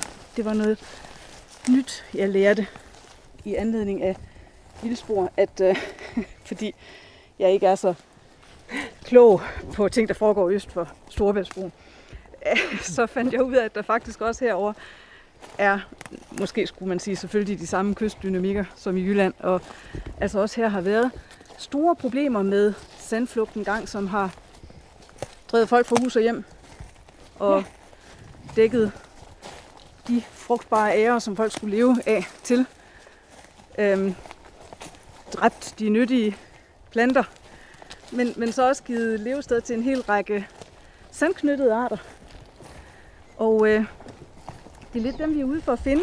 Og så har vi begivet os ind af sådan en transekt, hvor sandfyningens historie er blevet mere og mere tildækket af opvokset plantage, indtil vi er kommet ind i, i noget meget øh, høj skov med primært øh, skovfyr, men også lidt rødgræn og lidt løvtræ indimellem.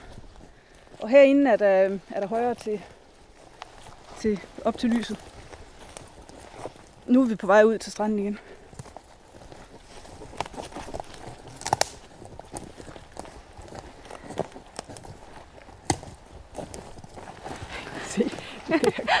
Du har en korset og koblet mikrofonen, Peter. Man kan nok ikke. Hvor sidder den hen? Den sidder der. Den føler sig rigtig hjemme på det der uldne overflade. Men man kan nok ikke høre fodtrinene.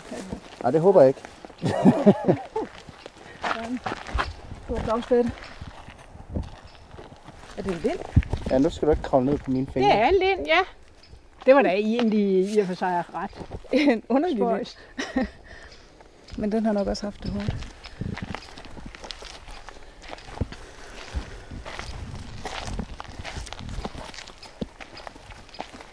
Men ikke helt almindeligt at se en vind. Altså, men nu er, kører vi, nu er vi lige langs med vejen her. Der kan være noget, der er faldet af. Ja. Noget, fordi... ja, nu dingler den der kors. Den er faktisk bundet spind op til min ledning nu. Ja.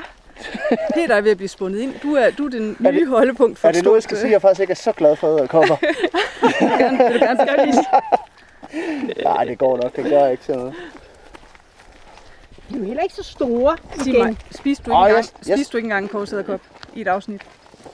Jo, Ja, det synes jeg nok. det gjorde jeg. Ja, og så Vicky, hun var så pivset. Hun ville så ikke have en... en hun tog så en af de små øh, øh, høsæderkopper der. Og jeg måtte hive den over. Klippe den over, så hun kun fik bagkroppen.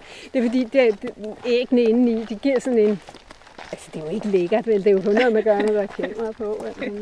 Jamen, vi kan lige gå den der vej igen, for så kan vi se køerne. Ja, Der Ja, det er en er, ja, der går kvæg her om, ja. lige om på den anden side. Ja, fordi vi, vi talte om nede i klitten, at øh, man kan se, der hvor der er de, de fineste sandbrud, det, det er jo der, hvor der er meget færdsel. Og øh, hvis man skulle prøve at forestille sig de her sandarters levesteder, hvad for en dynamik, der skabte dem før turismen, så, øh, så, så sådan nogle store tunge dyr, der træder rundt som køer, det var jo da et bud på en, øh, ja, en naturlig kilde til sandbrød. Udover selvfølgelig ved du, Bjørli, nu får jeg jo nok chancen for at spørge vores øh, geologiprofessor, håber jeg, men, men ved du, om, øh, om det her det er et af de steder, hvor havet ligger til kysten? Der er jo nogle kyster, hvor havet ligger mere land til. Kan jeg huske fra Øh, gymnasiets geografitimer.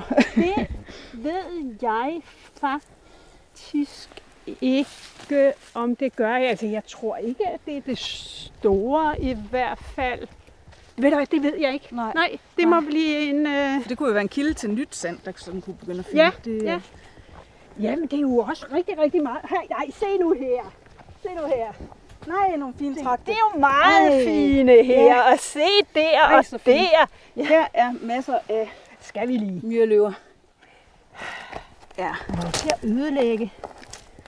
Ja, nå, jeg synes, det skal ja. ja. den der. Vi kan også prøve at finde myrer at komme i. Ej, nu kan vi ikke. Jeg vil også allerhelst se. Den må være der. Den må være der. Den må være der. Nu lægger jeg den. Lægger jeg den her. Der var to trakte. Ja, Så er der vel to lodder i lotteriet. synes altså. Det er for dårligt, hvis... Vi leder efter myreløven fra bunden af trakten, men den er virkelig, virkelig god til at undslippe os. Ja. Det, du er nok også lidt ramt af den her vildsporforbandelse med, at, de dyr, vi leder efter, de det gemmer kan jeg da sig. godt synes er rigtig irriterende, fordi jeg kan ikke tro, at jeg ikke får den op, men jeg tror, at den, altså jeg finder den bare ikke i det der store bunke sand, jeg, Den spiller død. jeg får op. Ja, der ligger den bare helt stille, og så øh, får jeg bare meget snavsede øh, bukser her. og det gør jeg med glæde, men øh, det kan da godt. Altså, men den der, nej, den, er, den ryger, der ryger jeg helt ned i noget. Kom nu. Kom nu, lille bæk. Ja, her er løst sandstrand på kanten af stien, og i det her, øh, den her skrant af sand, der kan vi se de fineste små trakte, som altså er gravet af myreløvelager. Og vi ville så gerne se en myreløvelager. Prøv at se derovre, Bjørli. Der er også kæmpe, en kæmpe udgravning. Tror du ikke også, det er en sandvips? Jo, jo, jo, der kunne jeg, ja. Se, For det ligner jo virkelig meget en, Ja, sådan en, en rævegrav, der er nygravet rævegrav, ikke? Ja, du har en rigtig Øh, kyl. Eller- I miniatyr. Ups. Ja. For alt sandet er gravet ud lige foran. Ja, jeg har en myre her, der er ved at komme ud for et uheld. så en lidt skadet myre, som måske lige kunne besøge en myre løve. Trakt herhen. Se, her er en. Oh. Ej, den slap ud. Den var ikke skadet nok. Vi prøver lige. Så nu er den altså mere skadet. Jeg slipper den ikke ud i hvert fald. Jeg ved heller ikke rigtigt, om den bliver trukket ned. Jo, det gør den. Bliver den trukket ned? Ja, den Ej, det er foldede i hvert fald sammen på midten. Er det ikke, fordi myrløven har fat i den? Det, det ser da ud som om, at jo jo, den ser, da, ja, den, den ser da i hvert fald ud som om, den har det rigtig skidt. Så der er en myrløve der. Ja, ja. Men myren var måske lidt stor til løven der. Alligevel, det var den mindste Altså, myre, jeg kunne vi finde. kan jo se myreløven der. Det kan ikke passe, at vi ikke kan få den op. Det kan simpelthen ikke passe. Men så ødelægger vi nemlig... Den må være her, ikke? Jo, det, det det, den må tro. være her. Det må være lige her. Det er da utroligt for dårligt. Ikke? Hop. Nej. Men altså, som sagt, jeg har aldrig nogensinde Næh. finde ud af det. Ja, skal der jo i hvert fald også holde op med at prale med, at "Øh, man gør bare sådan. Nu gør du det. Ja, nu gør du det. Altså, Okay. fordi jeg kan jo ikke blive ved med at... Ja. Den burde være her. Den burde være her. Jamen, hvis vi er to. det ville også være et stort øjeblik for mig, hvis... Hov. Der var den, den er kæmpe stor! Wow! Den er kæmpe stor! Den er helt enormt stor! Det er en super, super Den er, den er helt enorm! Ah, tænk, det virkede. Nej, tænk, det var så stort. Det var en lille bitte trakt. Men du sagde også, Ja, men det, jeg går. tror, det er fordi, de har lavet dem her til morgen, fordi det Ja. i går, ikke? Nej. Så, så de er bare ikke blevet så Wow. store. Men fordi den der, den er altså helt moden til. Den, bliver, den kommer op og flyve til næste år. Det er helt Ja. sikkert, ikke? Ej, den er, altså. Ej, er er fin. stor og fed. Ah, Gør de, hvor er det godt. Hvor er det godt. Og den øh, er, det er en ordentlig basse. Prøv at se munddelene der. Ja. det er rigtigt. Ej, den er jo Ej, er tyk fin. og fed Ej, jeg er og fuldstændig vidunderlig. Og det var, se, jeg prøvede 10 gange, ikke? Altså, se, nu begynder den at gå baglæns. Det hjælper også, som du ser, at være to. Det? Ja, den går baglæns. Se, nu graver den sig ned. Ej, så den er lidt hurtigt, så hvor hurtigt den er er den hurtigt væk. Ej, Ja, ikke mere. Ej, det var godt. Ja.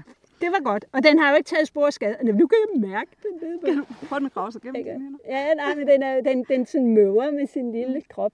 Sådan, nu lægger vi den der. Så, kan kan jeg ny den, den har det rigtig godt. Det var godt. Du er god. Du er god. Nej, se engang. Ja. Det er sådan noget underligt uh, sand med, uh, med snavs i. Så. Se, der er Ja, køer lige derude. Her er jo køer. Ej, det må jeg også hellere lige tage billede af. Nogle lange skotske, langhornede skotske. Ja, den ene er en langhornet skotsk, og den anden, det ved jeg ikke, det er noget Galloway. Nogle, I hvert fald sådan nogle langpelsede køer. Og Det, det kan være oven på succesoplevelsen, vi lige Ja. skal genopfriske, hvad det er, vi laver. Nu er der bare nogen, der har hørt en masse øh, altså, ekstase i radioen, der Ja, måske ikke helt så- ved, hvad der, er, der sker. Det kan, det kan være, at vi lige skal øhm, fortælle til nye lyttere, at øh, I lytter til Vildspor. Vi er på tur her ved øh, Tisvilde Hegn med Bjørli Lehmann, der kender området rigtig godt, har været her siden hun var barn. Og øh, jeg er Mette Hesselholdt Henne Hansen. Jeg er gæstevært for Rasmus Ejernes, der plejer her programmet. Jeg går her sammen med min producer, Peter Løde, som husker min mor en gang imellem og sige, hvor vi er. Når entusiasmen bliver for stor for myreløver. Ja, Ja, og så er en rigtig ja, stor det var en kæmpe der. trakt. Den tør jeg overhovedet ikke. Nej, men nu har vi, vi behøver ikke flere. Vi behøver ikke. Den, den, var, den var rigtig god, den der. Den var virkelig god. Det var også bare dejligt at se, at de faktisk findes. altså. Vi mangler lige den der labyrinthæderkop, ikke? Jo, det kunne være Den dejligt. kunne nemlig meget vel være i det her. Øh, lidt, lidt halvhøje græsvegetation og sådan lidt blandet der. Der øh, laver de sådan nogle tæppespind med en trakt, ikke? Ja. Det er en traktspinder.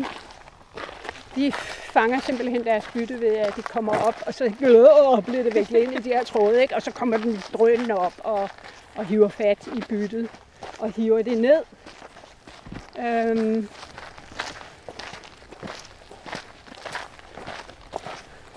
I trakten og æder det. Der er stadig gang i blomsterne herude i klitten. Der er Ja, øhm, videnklokke og en smeltbladet høgeurt, der stadig blomstrer der. Og lidt lyng. Det, det er jo også, nu hvor det har været så tørt, hvor der måske er mange indlandslokaliteter, der er visnet. Herude der er planterne de kan klare det. Ja.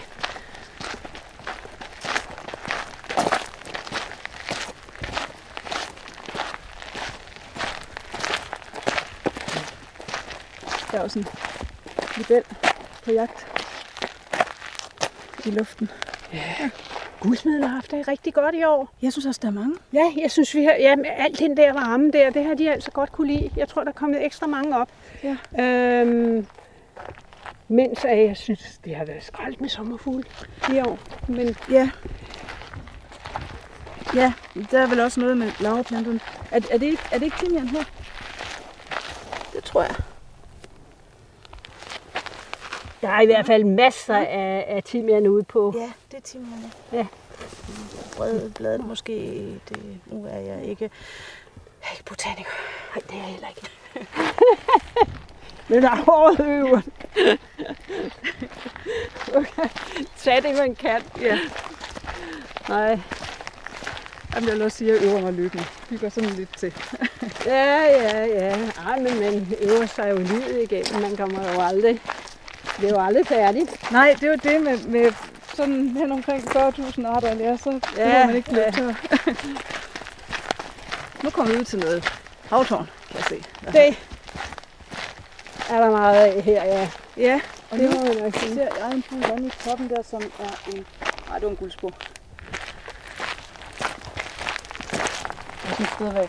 Nå ja, men det er også fordi, jeg tænker Vestjylland, når jeg ser sådan noget her, så tænker jeg sortstrubet bønkefuglen. Dem ved jeg ikke, om I har her. Det ved jeg slet ikke. Det tror jeg ikke. Nej, det er nok vest, vestjysk. Ja.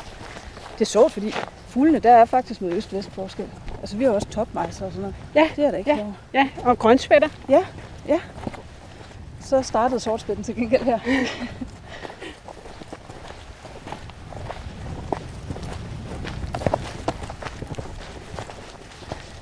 Så vi er inden for klitterne her. Og, og det her, det er vel så, ja, det ved jeg ikke, grå klit med, med alligevel med nogle sandbrud. Hvor, hvor gråt skal det være, for det hedder grå klit? det er også naturtyper, er jo bare Ja, det kasser. er jo, og Ja. de går jo over i hinanden, ikke? Fordi jeg vil sige, det er jo nok kun grå klit så bliver det hede, ikke? Inden over det vil man jo nok sige. Jeg sad Men- og bladrede naturtyperne igennem dagen Natur 2000, og de, og de lyder jo som noget, der lapper over grå ja. Ja, klithede og ja, ja, grøn klit. og det er jo det, altså det er jo et specielt naturtype, men vanvittigt mange forskellige arter Ja. af planter er der jo i- sådan set ikke, Nej, vel? nej, det er bare øh, specialisterne. Man bliver hurtigt sådan, Nå, ja. det var så det, ikke? Jamen det, ja, ja, og det er jo også, og jeg, og jeg tænker faktisk også meget, det er også derfor, jeg gav mig til af vane at kigge efter, om der skulle sidde en storstrubet bønkefugl, for det ville der gøre i Vestjylland. Men altså, fordi planterne minder mig Ja. om, ja, der er liden klokke også, den er godt nok lille, når den vokser, nej, og, og, og hvad hedder den, blåmunke, den er lille bitte, når den vokser. det er en hunger, hungerform, vil man nærmest sige. Ja, men har blomstret siden april, ikke også? Det, det er også vildt, som den kan blive ved. Maj, måske. Foråret i hvert fald.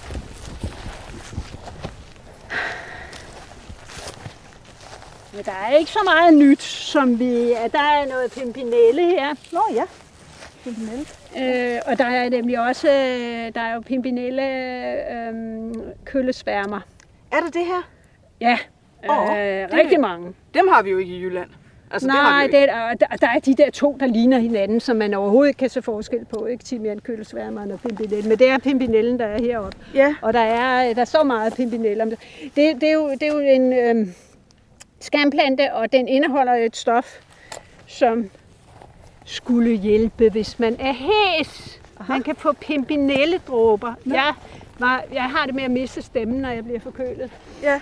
Og, og så var der en sygeplejerske, "Ah, du skal bare have pimpinelle, og det så dryppede man så på et stykke sukker, og så man det der, og jeg åd jo hele den der flaske der, og det, jeg fik mindre og mindre stemme. Så jeg kan altså sige, det virker ikke. Det virker ikke hver gang, kan jeg sige. Se nu igen, ikke, med Ja. ja. engelsøden der, som står her. Ultra tørt. ja. Nu må jeg have et billede af den her også, så vi kan se. Så vi har både haft den øh, inde i, på et birketræ, og- så her. Ja, derinde var der også skyggefuld. Jeg er sej, jeg er sej, og der er engelsk græs også. Øh, Ja, lidt bidende stenurterester, eller hvad? Ja, ja, ja. Det der, Botanik ud over det hele. der er sørme nogen, det har været en plante engang. Ej, lige derovre, der tror jeg, at den sidder, den der æderkop. Det ville være lidt fedt, hvis ja. vi lige kunne, fordi det var rigtig godt, at vi fik en øh, myrløv, og hvis vi så også lige kunne se den der vidunderlige æderkop. Øh, man har jo undret sig over, at, øh, at hunderne til syneladende falder i svime, når hannerne går ind i nettet. Det er jo ikke sådan almindeligt. At, øh, men hunderne, de, de går i sådan en... Øh, de falder om, og han, han kan gøre med hende, hvad han vil. Han kan simpelthen slæve rundt på hende. Og, meget, og man har virkelig undret sig over det. Man har ikke undersøgt vores egen, øh, den her, men man har en slægtning i USA, hvor man har fundet ud af, at han faktisk udsender en, øh, en bedøvende gas, Nej, hvor sjovt. Nej, hvor sjovt. som, Det er... som, som han så vifter hen i den her trakt, hvor hun jo sidder inde. Og så bliver hun bedøvet, og så kan han altså rende rundt med hende et stykke tid og få sin vilje med hende. Ja, det er et godt, Øh, godt og eksempel det er- på, det er at vi ikke skal sammenligne så- dyrs paringsadfærd med menneskelig ja. moral. Simpelthen så sjovt. Ja. Det er virkelig sjovt. Det er en MeToo-sag. Der... Det, ja, det... Men øh, altså i betragtning af, hvordan... en bog om noget med, det kunne dyr der aldrig finde på. Og så de der ting, hvor jo, det gør de også. Ikke? Altså med alle de der forskellige ting, som man ikke forestiller sig, at dyr de kan. Ikke? Altså, det skulle altid en eller anden, der gør det. Øh, øh, det plejer nemlig at være her, netop på bagsiden af den hvide klit, Ja. at, øh, at de sidder, de der æderkopper. Og det er altså meget nemt at få øje på et sten der, for det er stort og hvidt. Store, hvide, tætte sten. Men jeg tror faktisk helt helst, de kan lide at være herinde, hvor det ikke rigtig blæser, og hvor der er græshopper. Og, Ja, øhm, men jeg synes nu heller ikke, at jeg ser, at det er sådan hopper vildt og inderligt omkring os. nej, der er en her. Og de er slemme til, hvis man nu lige har den klar. Nej, der sidder en på dig. De er dumme, ikke? Fordi så flyver de, Ja. øh, de der... Jeg ved ikke, hvad det er for en eller anden grå markgræshoppe, øh, som der er temmelig mange af, og de folder jo vingerne ud og flyver et stykke, så de hopper ikke bare. Det var det. Der var ikke flere. Nej. Se, der er en fyr, der, er, der har etableret sig helt, helt nede på den næst yderste klit her. Ja. Er det, kan du se, om, det er, er bjergfyr, øh, det her? Nej. Kan Nej, vi mangler lidt en det botaniker. er ikke, øh, ja, men den har jo ikke kogler eller noget. Nej. Nej.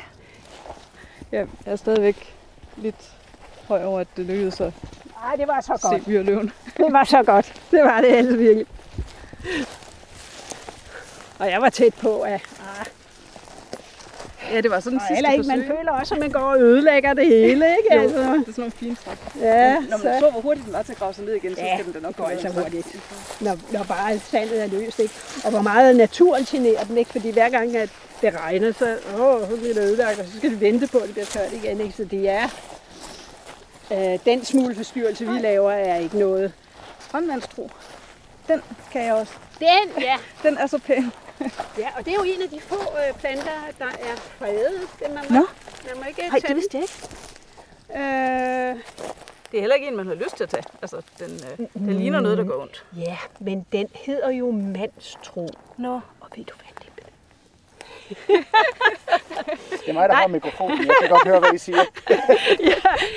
Det er jo fordi, ej, det har ikke lige været den her art, men en anden art af, af, af mandstro, som man mente var øh, styrkepotensen. Nå. Så, Okay. så den, den, den, den har både heddet mandstro og mandstrøst, øh, og, øh, ja. og, og det var roden, men det var altså en anden art. Og, for det, og der, det kan altså ikke nytte noget, hvis der er nogen, der har problemer med den slags, at komme op og grave den op, for det må man ikke, man må ikke grave den op. Den er fredet. Og det virker Øh, ikke alligevel. Så. Ja. Strandvandstro. så kan man finde sig en oliebil, kan man. Der er jo også, fordi der er jo biulve heroppe, og jeg har altså set engang en biulv, der tog en bi, altså en honningbi i sådan en mandstro der, og bed hovedet af den, og så maser øh, honningmaven sammen, og drikker det, før at den øh, fløj afsted med øh, honningbien, som jo så også kommer ned, og så er den honningbi jo så sådan set måske lidt heldig, fordi den har jo så fået bidt hovedet af. Men det er, for det, ellers så ville den ligge dernede og blive spist langsomt, ikke? Ja. Men øh, det kan den altså godt finde på, at bide hovedet af honningbien og lige suge honningmaven ud, så den øh, får lidt styrke til sit hårde arbejde med at, at grave honningbier ned i jorden. Den, er, den, den har været heroppe, biulven, længe, men, men nu er den altså blevet mere almindelig øh, rundt omkring.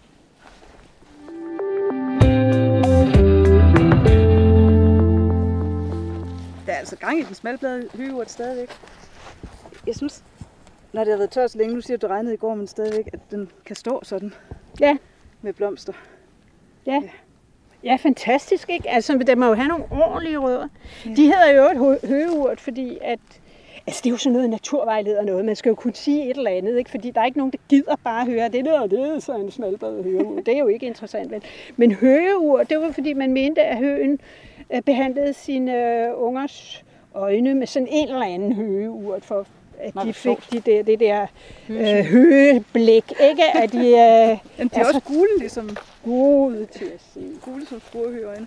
Jeg, jeg kom bare til at se, altså der er jo insekter, der graver i det her Ja, år. Ja. Selvom det er så løst og skrøbeligt, så er der alligevel nogen, der... Men altså også, ja, det regnede i, i, i øh, går, ikke? Og der er også sådan lige sådan lidt... Ja, der er lidt vådt, faktisk, nedenunder. Der er lidt her. Nu sagde du også, at, øh, at hvis den har det varmt og får nok mad, så kan en myreløve blive, blive hurtigt færdig med, en, øh, med sin lavetid. Ja. Jeg tænker også, de arter, der er knyttet til noget så ustabilt som det her, de må også være lidt hurtige i det. Jo, men altså også kommer det er en kold sommer med masser af regn. Ja. Så får de jo stort set ikke noget med. Så må de jo bare øh, tage en sommer. Så tager vi en sommer mere. Det kan de godt. De godt. Ja, det er, det er, ja, altså, hvor, hvorvidt de forpupper sig om øh, foråret, eller om de tager et år mere, det er altså et spørgsmål om, hvor store de er. Så Måske skal jeg sige til lytterne, at vi er nået ud i den yderste klitrække igen. Vi går igen i sådan noget helt løst, fint strandsand, hvor der er enkelte hjelme, der har etableret sig, smalbladet høgeurt, og så selvfølgelig den allesteds nærværende turist fra Kina, rynket rose, og, øh, og sandstar, der marcherer ind i ja, lange den er rækker. sjov. ja. Det, vi kaldte den soldaterstar nogle gange, fordi de går på gilde. Ja. Ja, de laver sådan en, øh, har sådan en, en ligesom jordbær laver øh, udløber, Ja. så laver den, og, og sjovt nok, så laver den altså de der udløber på række, altså efter hinanden, så planterne de kommer til at stå efter hinanden. Det lægger dem ikke bare ud til alle mulige sider. Så de får sådan nogle fine rækker. Hmm. Og start. Og den er sjov, det er ikke til hele vejen der. Ja, Det er jo flere meter, den der. ja en lang, lang stribe af, af sandstar, der, går ud i, i det bare ingenting. Det kan man kalde at kolonisere det. Ja. ja. Her er noget moderne sandflugtstempning. Ja. Nu kom vi til øh, en stor måtte af plastiknet. Det er vel så for at hæmme effekten af turismen. Ja. Tror du ikke, det er anbragt om vilje? Jo, det tror jeg bestemt. Men jeg tror også, det er ret lang tid siden. Ja, altså, ja det ser slidt ud. Så, Ja, i dag virker det måske som mindre oplagt at rulle en masse plastik ud. Sådan. Kunne man håbe. det er ikke særlig smukt. Nej. Det, det bliver jo også til mindre stumper plastik hen ad vejen. Ja, det gør den nemlig. Nej, hvor er det smukt her. Altså, der er jo mange folk, der... Nu er 60'erne længe siden, og der er mange folk, der er blevet så glade for de her rynkede roser, og kalder dem klitroser i øvrigt. og bliver Ja. kede af det, når myndighederne kommer og fjerner Jamen, hvorfor gør I det? Ja, ja. Men altså, øh, uha, altså, de holder jo også folk væk fra nogle områder her, hvor der så øh, kan yngle nogle fugle ind i det der, er hvor rigtigt det ellers ikke rigtig er muligt, fordi folk kommer alle vegne. Men der, hvor der er rynkerose, der kommer der altså ikke rigtig nogen, vel? Nej, der er faktisk fuld af fuglefodspor mellem de rynkede roser. Ja, jeg kunne godt forestille mig, at der var nogle af de der strandrugende fugle, der faktisk gik, gik ind og fik lidt fordel af, at der var nogle steder, hvor der ikke er nogen, der træder. Ja, Øh, for Ja. det gør man ikke. og der er jo også masser af mad til fuglene i de talrige hyben der. Det er bare det, når den kommer derop og bliver til sådan et tæt buskage, som vi ser, så er der ikke nogen strandplanter, der kan klare sig der i hvert fald. Nej. Jeg vil sige, jeg, jeg Nej, er hvis tit man lidt... bare øh, kunne holde dem lidt i ave, ikke? Ja, Men selvfølgelig havde det været sjovere, hvis det havde været rigtige klitroser. Ja. Altså, som, dem øh, ser man ikke så meget til. det ser man ikke. Det, er, det har jeg slet ikke set her. Men her kan man jo rigtig se, hvor, ja, fordi at klitten er, er brudt ned, så kan man se, øh, at noget af det er rødder, ikke? og noget af det er jo simpelthen bare grene, den, den har, Ja. er blevet dækket til og dækket til og dækket til. Ikke? Ja, det, der er ikke noget at sige til, at, at den kan klare sig i en tør klit, når den laver sådan nogle massive forvedede rødder her, som... som Åh, oh, wow! Ej, mand! Ej, en kæmpe æderkop! Ja. Nøj! Wow, den er flot. Åh, lad os nu lige se. jæger. Og det er, nej, det er altså simpelthen bare en, øh, en stor husæderkop. Pokkers. Beklager, ja, fordi vi ville jo godt have haft, det var noget mere spændende. Ja. Ikke? Øh, Jamen, flot er den i hvert fald. øh, for, men den er stor. Den er godt stor. Altså det er jo, dem, dem ser man jo øh, inde i, øh, hovedsageligt inde i badekarne i øjeblikket, ikke? og Ja. bruskabiner og sådan noget. Og det er jo ikke fordi, de elsker badekar. Det er heller ikke fordi, de kommer op af, af, af afløbet, som der er nogen, der tror. Nej. Det er fordi, at det er paringstid nu. Det er hanner. Ah. Ah. Det der er jo en stor han. Hannerne er- er meget mere langbenede end hunderne. Ja, Og han er ude at lede, fordi hunderne bliver i deres net, deres trækspind ja. rundt omkring. Så, så altså, de vandrer meget. Det, Ja. det, jeg, jeg kan godt se, at det er en han, fordi han har de her pedipalper Ja, det har han nemlig. Tykke. Ja. Det, det er jo også et tip til lytterne, hvis, hvis øh, man gerne vil imponere folk med at kunne kønsbestemme æderkopper, så er det heldigvis et meget simpelt trick, fordi han har øh, han overrækker hunden sæden i sådan to poser for enden af boksehandskerne. Ja, det er jo faktisk meget komplicerede kønsorganer, han har. Det er jo sådan nogle, nogle, nogle små kanyler, ikke? Ja, ej, kæft, han er stor. Ja, de skal passe nøjagtigt til den art. mand. Ja, ja, wow. og de er, øh, ja, og der er jo en, øh, øh, øh, der er en masse kønskonflikt øh, imellem han og hun æderkopper, så det er jo noget med, at han skal øh, anbringe så mange gange så er hunderne jo, så vil de øh, øh, prøve på at forhindre ham i at blive for hurtigt færdig, for eksempel. Det kan være, det kan, så, så, så der er, de er meget komplicerede, deres kønsorganer. Altså, vi er yderst primitive Ja. i forhold. Det er, det en, bare. en, er det en måde at sikre sig vedholdende sønner, hvis man går efter en han, der, der ikke bliver hurtigt færdig? øh, nej, men det kan, være, det kan for eksempel være en fordel, hvis øh, det kun er hannen, der ved, hvornår han er færdig. Mm. Øh, fordi at så kan han øh, komme hurtigt væk ikke? Ja, øh, på et tidspunkt. Det, sådan er det i hvert fald for nogle af dem, men der kan være mange, mange. Der er meget komplicerede ting og sager der. Men Bjørli, nu bliver jeg, fordi stor hus... nu smutter den op i ærmet. Ja, og der vil jeg ikke have den. Nej, men stor husæderkop er- har jeg jo kun truffet indendørs. Og jeg troede egentlig, måske det var en af de her arter, som var knyttet til menneskeboliger. Men Ja. når den er her, er- det så fordi, nu er vi jo noget tørt og varmt. Det minder jo lidt om en menneskebolig. Er, er det her, den egentlig burde være?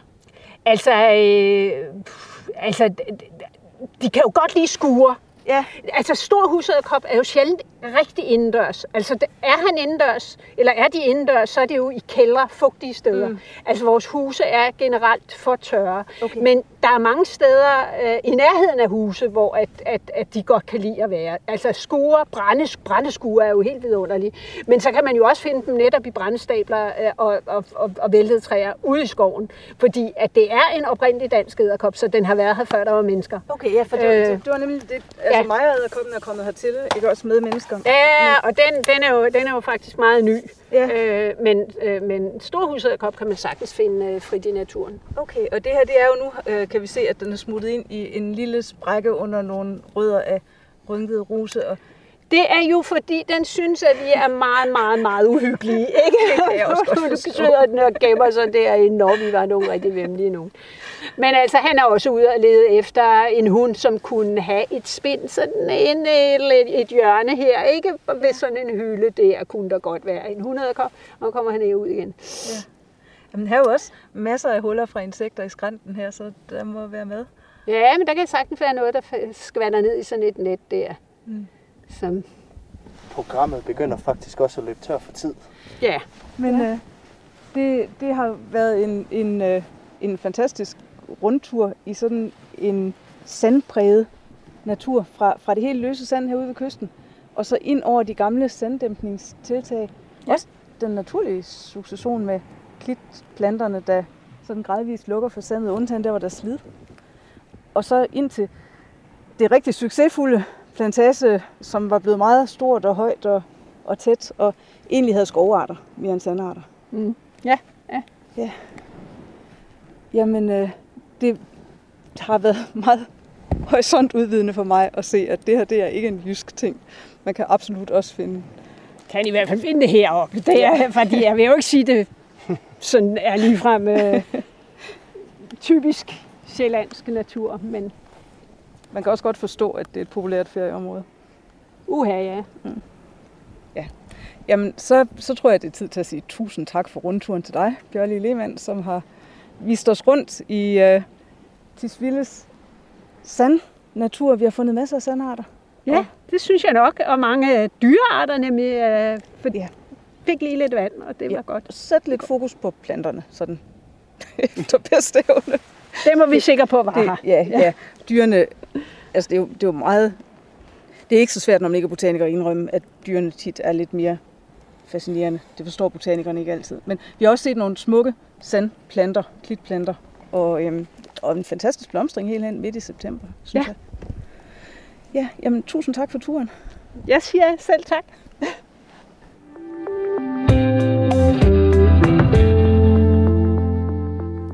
Så er vi jo kommet tilbage til Aarhus, tilbage til studiet. Ja, og Peter, du har simpelthen fået fat i uh, en af de få sandflugtseksperter, vi har i Danmark. Ja, vi teasede lidt for, at vi ville prøve at se, om vi kunne få fat på Lars Klemmensen, som han hedder, ja. i løbet af programmet, og det lykkes. Ja, og han er jo geolog og professor emeritus fra Københavns Universitet, og har faktisk forsket i sandflugt, øh, en af de få rigtige eksperter, vi har hjemme. Så det er ham, vi skal til at ringe op nu. Hej Lars, det er Mette fra Vildsborg. Mange tak, fordi vi måtte ja. have lov at ringe dig op. Ja, men det bliver spændende. Ja, altså vi har jo været ude og besøge de her gamle sandflugtsområder ved Tisvilde, og øh, det, der slog mig derude, det var, øh, hvor få sandbrud, sådan med eksponeret sand, der egentlig var tilbage der, hvor der engang har været de her store vandremiler. Og, og så så vi jo på plantagen med, med skovfyre, og øhm, der har været tilplantning med hjelme og, og marhalm. Og, og når man ser på, på sådan de våben, som vores forfædre har brugt mod, mod sandflugten her, så er det jo egentlig hjemmehørende arter. Det er naturlig succession, der bare er speedet lidt op. Og jeg kunne godt tænke mig at starte med at spørge dig, øhm, der er andre dynamikker i naturen, vi har, vi har haft, altså vi stadig kæmper lidt med, men det, det her, det lignede jo en kamp, vi havde vundet. Så hvorfor tænker du, at, at det lykkedes så godt at dæmpe sandflugten herhjemme? Jamen, øh, vi har jo undersøgt det andre steder i Danmark, også i Vestjylland, og der har også været sandflugt, og den sidste store sandflugtskatastrofe, den skete jo mellem cirka 1460 og 1850. Og det har været diskuteret meget. Var det naturens øh, klimaændring, flere storme, eller var det fordi, at mennesket havde øh, fjernet skoven, og kvæg havde græsset vegetationen helt ned? Hvad var det egentlig, der skete? Det var nok en kombination, fordi øh, skoven var væk, også ved Tisvilde område, og kvægene havde selvfølgelig græsset vegetationen helt i bund. Men samtidig kom så stormene. Stormene fik sand fra kysten, blæst ind over land, hvor der var så at sige frit tilgængeligt, for der var ikke noget, der kunne bremse sandet. Og øh, når først klitterne kommer i gang, så er de meget svære at stoppe. Og øh, sandflugt eller sandfyning, det er jo en proces, hvor vinden bevæger sandet. Og så får man så aflejret det, som ofte kaldes flyvesand. Men egentlig er det slet ikke fløjet, det er hoppet. Hmm. Det er kun de aller, aller fineste partikler støv, som flyver. Ja. Sandkornene, de hopper øh, som regel kun øh, en halv til en hel meter. Så rammer de jorden igen og fortsætter deres bevægelse. Ofte i form af, af vandreklitter, øh, som jo er kan bevæge sig, ved vi fra Råbjerg Mile, op til 10 meter om året. Ja. Så det har taget noget tid for disse klitter at nå frem øh, til øh, de eneste områder, som ligger 2-3 km fra kysten, så vidt jeg er orienteret i Tisvilde-området. Ja, og derinde er der jo ikke meget sand at se i dag. Det, det er virkelig tilgroet. Men vi så jo også på nogle af de arter, der så har deres levested i de her vandreklitter i den hvide klit, øhm, og som er tilpasset den, det her super dynamiske øhm, levestedsforhold, der er. Og, og mange af dem er jo faktisk, det er jo også en beskyttet naturtype i, i Natur 2000 i dag. Øhm, altså, hvad tænker du egentlig fremtiden er? Nu sagde du, at både klima og slid øh, spiller ind, altså øh, træfældning og, og øh, nu prøver man jo faktisk at etablere noget græsning også derude i området for at få måske lidt mere dynamik i gang igen. Jamen, der har været undersøgelser også på verdensplan af, hvad skal der egentlig til for at få klitterne til at bevæge sig? Og der er en, en tærskelværdi, der skal overskrides. En vis vindenergi, der skal overskrides. Og lige nu ligger vi lige på grænsen til, hvor meget der egentlig er nødvendigt for, at sandet kan komme i bevægelse. Men øh, i den sidste fase af den lille istid, har vi meteorologiske data, der viste, at vindenergien var op til tre gange så høj, som den er nu. Og når det er tilfældet, så bliver der lavet vindbrud i de yderste klitrækker. Ja. Øh, og så får sandet altså mulighed for at bevæge sig ind over land. Og øh, hvis, når det først er sat i gang, sådan en klitbevægelse, så er den altså ganske, ganske svær at stoppe, selv i perioder, hvor vindenergien tager lidt ned. For faktisk kan man ikke have meget vind til at bevæge sand. Kun cirka 5-6 meter per sekund, det er jævn vind. Ikke fordi det er så voldsomt, men det kræver selvfølgelig, at sandet er tørt, og det ikke er for meget vegetation. Så jeg tror, det lige nu er en balance. Vi gør selvfølgelig meget for at sikre, at sandet ikke får lov at komme i bevægelse. Øh, men hvis vi ikke gjorde noget, så ville det nok være sådan, at der flere steder kom naturlige vindbrud. Det kan vi se på Anhold, vi kan også se det flere steder ved Skagen, hvor der faktisk kommer naturlige vindbrud, hvor klit sandet begynder at bevæge sig ind over land igen som begyndende klitter. Så naturbevarelsesmæssigt, der er du egentlig ikke så bekymret for, at, at øh, den her dynamik skal dø helt hen. Øhm, men vi skal måske være opmærksom stadigvæk på, at... øh, Ja, det er jo en øh, balance. Ønsker vi, at, skal vi sige, at klitsystemerne udvikler sig naturligt, eller vil vi stadig have lov at kontrollere dem? Øh, det, det er jo en balance. Så er vi måske igen over i det her tema, som har været op i, i programmet her i Vildsborg flere gange, at, øh, at den dynamik, som, som sandets arter er knyttet til, er ikke nødvendigvis hensigtsmæssig i forhold til arealer, vi gerne vil bruge til, at, altså til vores infrastruktur og produktion. Så, så hvis den skal have plads, så skal det måske være steder, hvor øhm, det her sand ikke går hen og bliver et problem for os igen. Jamen, det er jo rigtigt nok. Altså, der er jo, øh, det hedder arealkonflikt, ikke? Og, og det ligger jo dybt i os, skrækken for sandflugt fra, fra den sidste sandflugtsperiode, der sluttede i Jylland først i uh, slutningen af 1800-tallet, men i Tisvilde fik man jo faktisk bugt med det allerede omkring 1736, de man lavede en kæmpe indsats. Det var en tysk embedsmand, Johan Røhl, der fik stoppet sandflugt på bare 12 år. Imponerende arbejde. Ja, så det var måske et, øh, et, et forgangsprojekt for det, der så er sket i Nordjylland for eksempel senere. Det kan man sige. Og så kan man så sige, så blev skoven rejst efter, at klitterne først blev stabiliseret. Det skete faktisk de fleste steder i Danmark, så man kan sige, at skovrejsning var egentlig ikke nødvendig for at stoppe sandflugt, men det var ligesom en idé, man troede på og holdt fast i. Ja. Og derfor har vi alle disse sandflugtsplantager i, i Danmark. Og det giver selvfølgelig læg for vind. Ingen tvivl om det. Ja, og måske en, en produktion på arealer, der ikke har produceret så meget andet tidligere. Det kan man også sige. Det kan man også sige.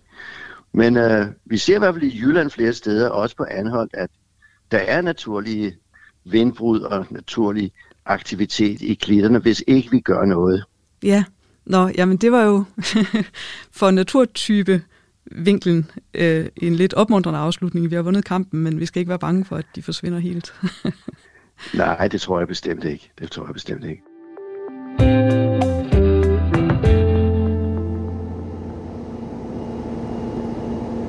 Og man kan jo sige, at nu startede vi programmet på færgen på Molslinjen fra Aarhus til Odden.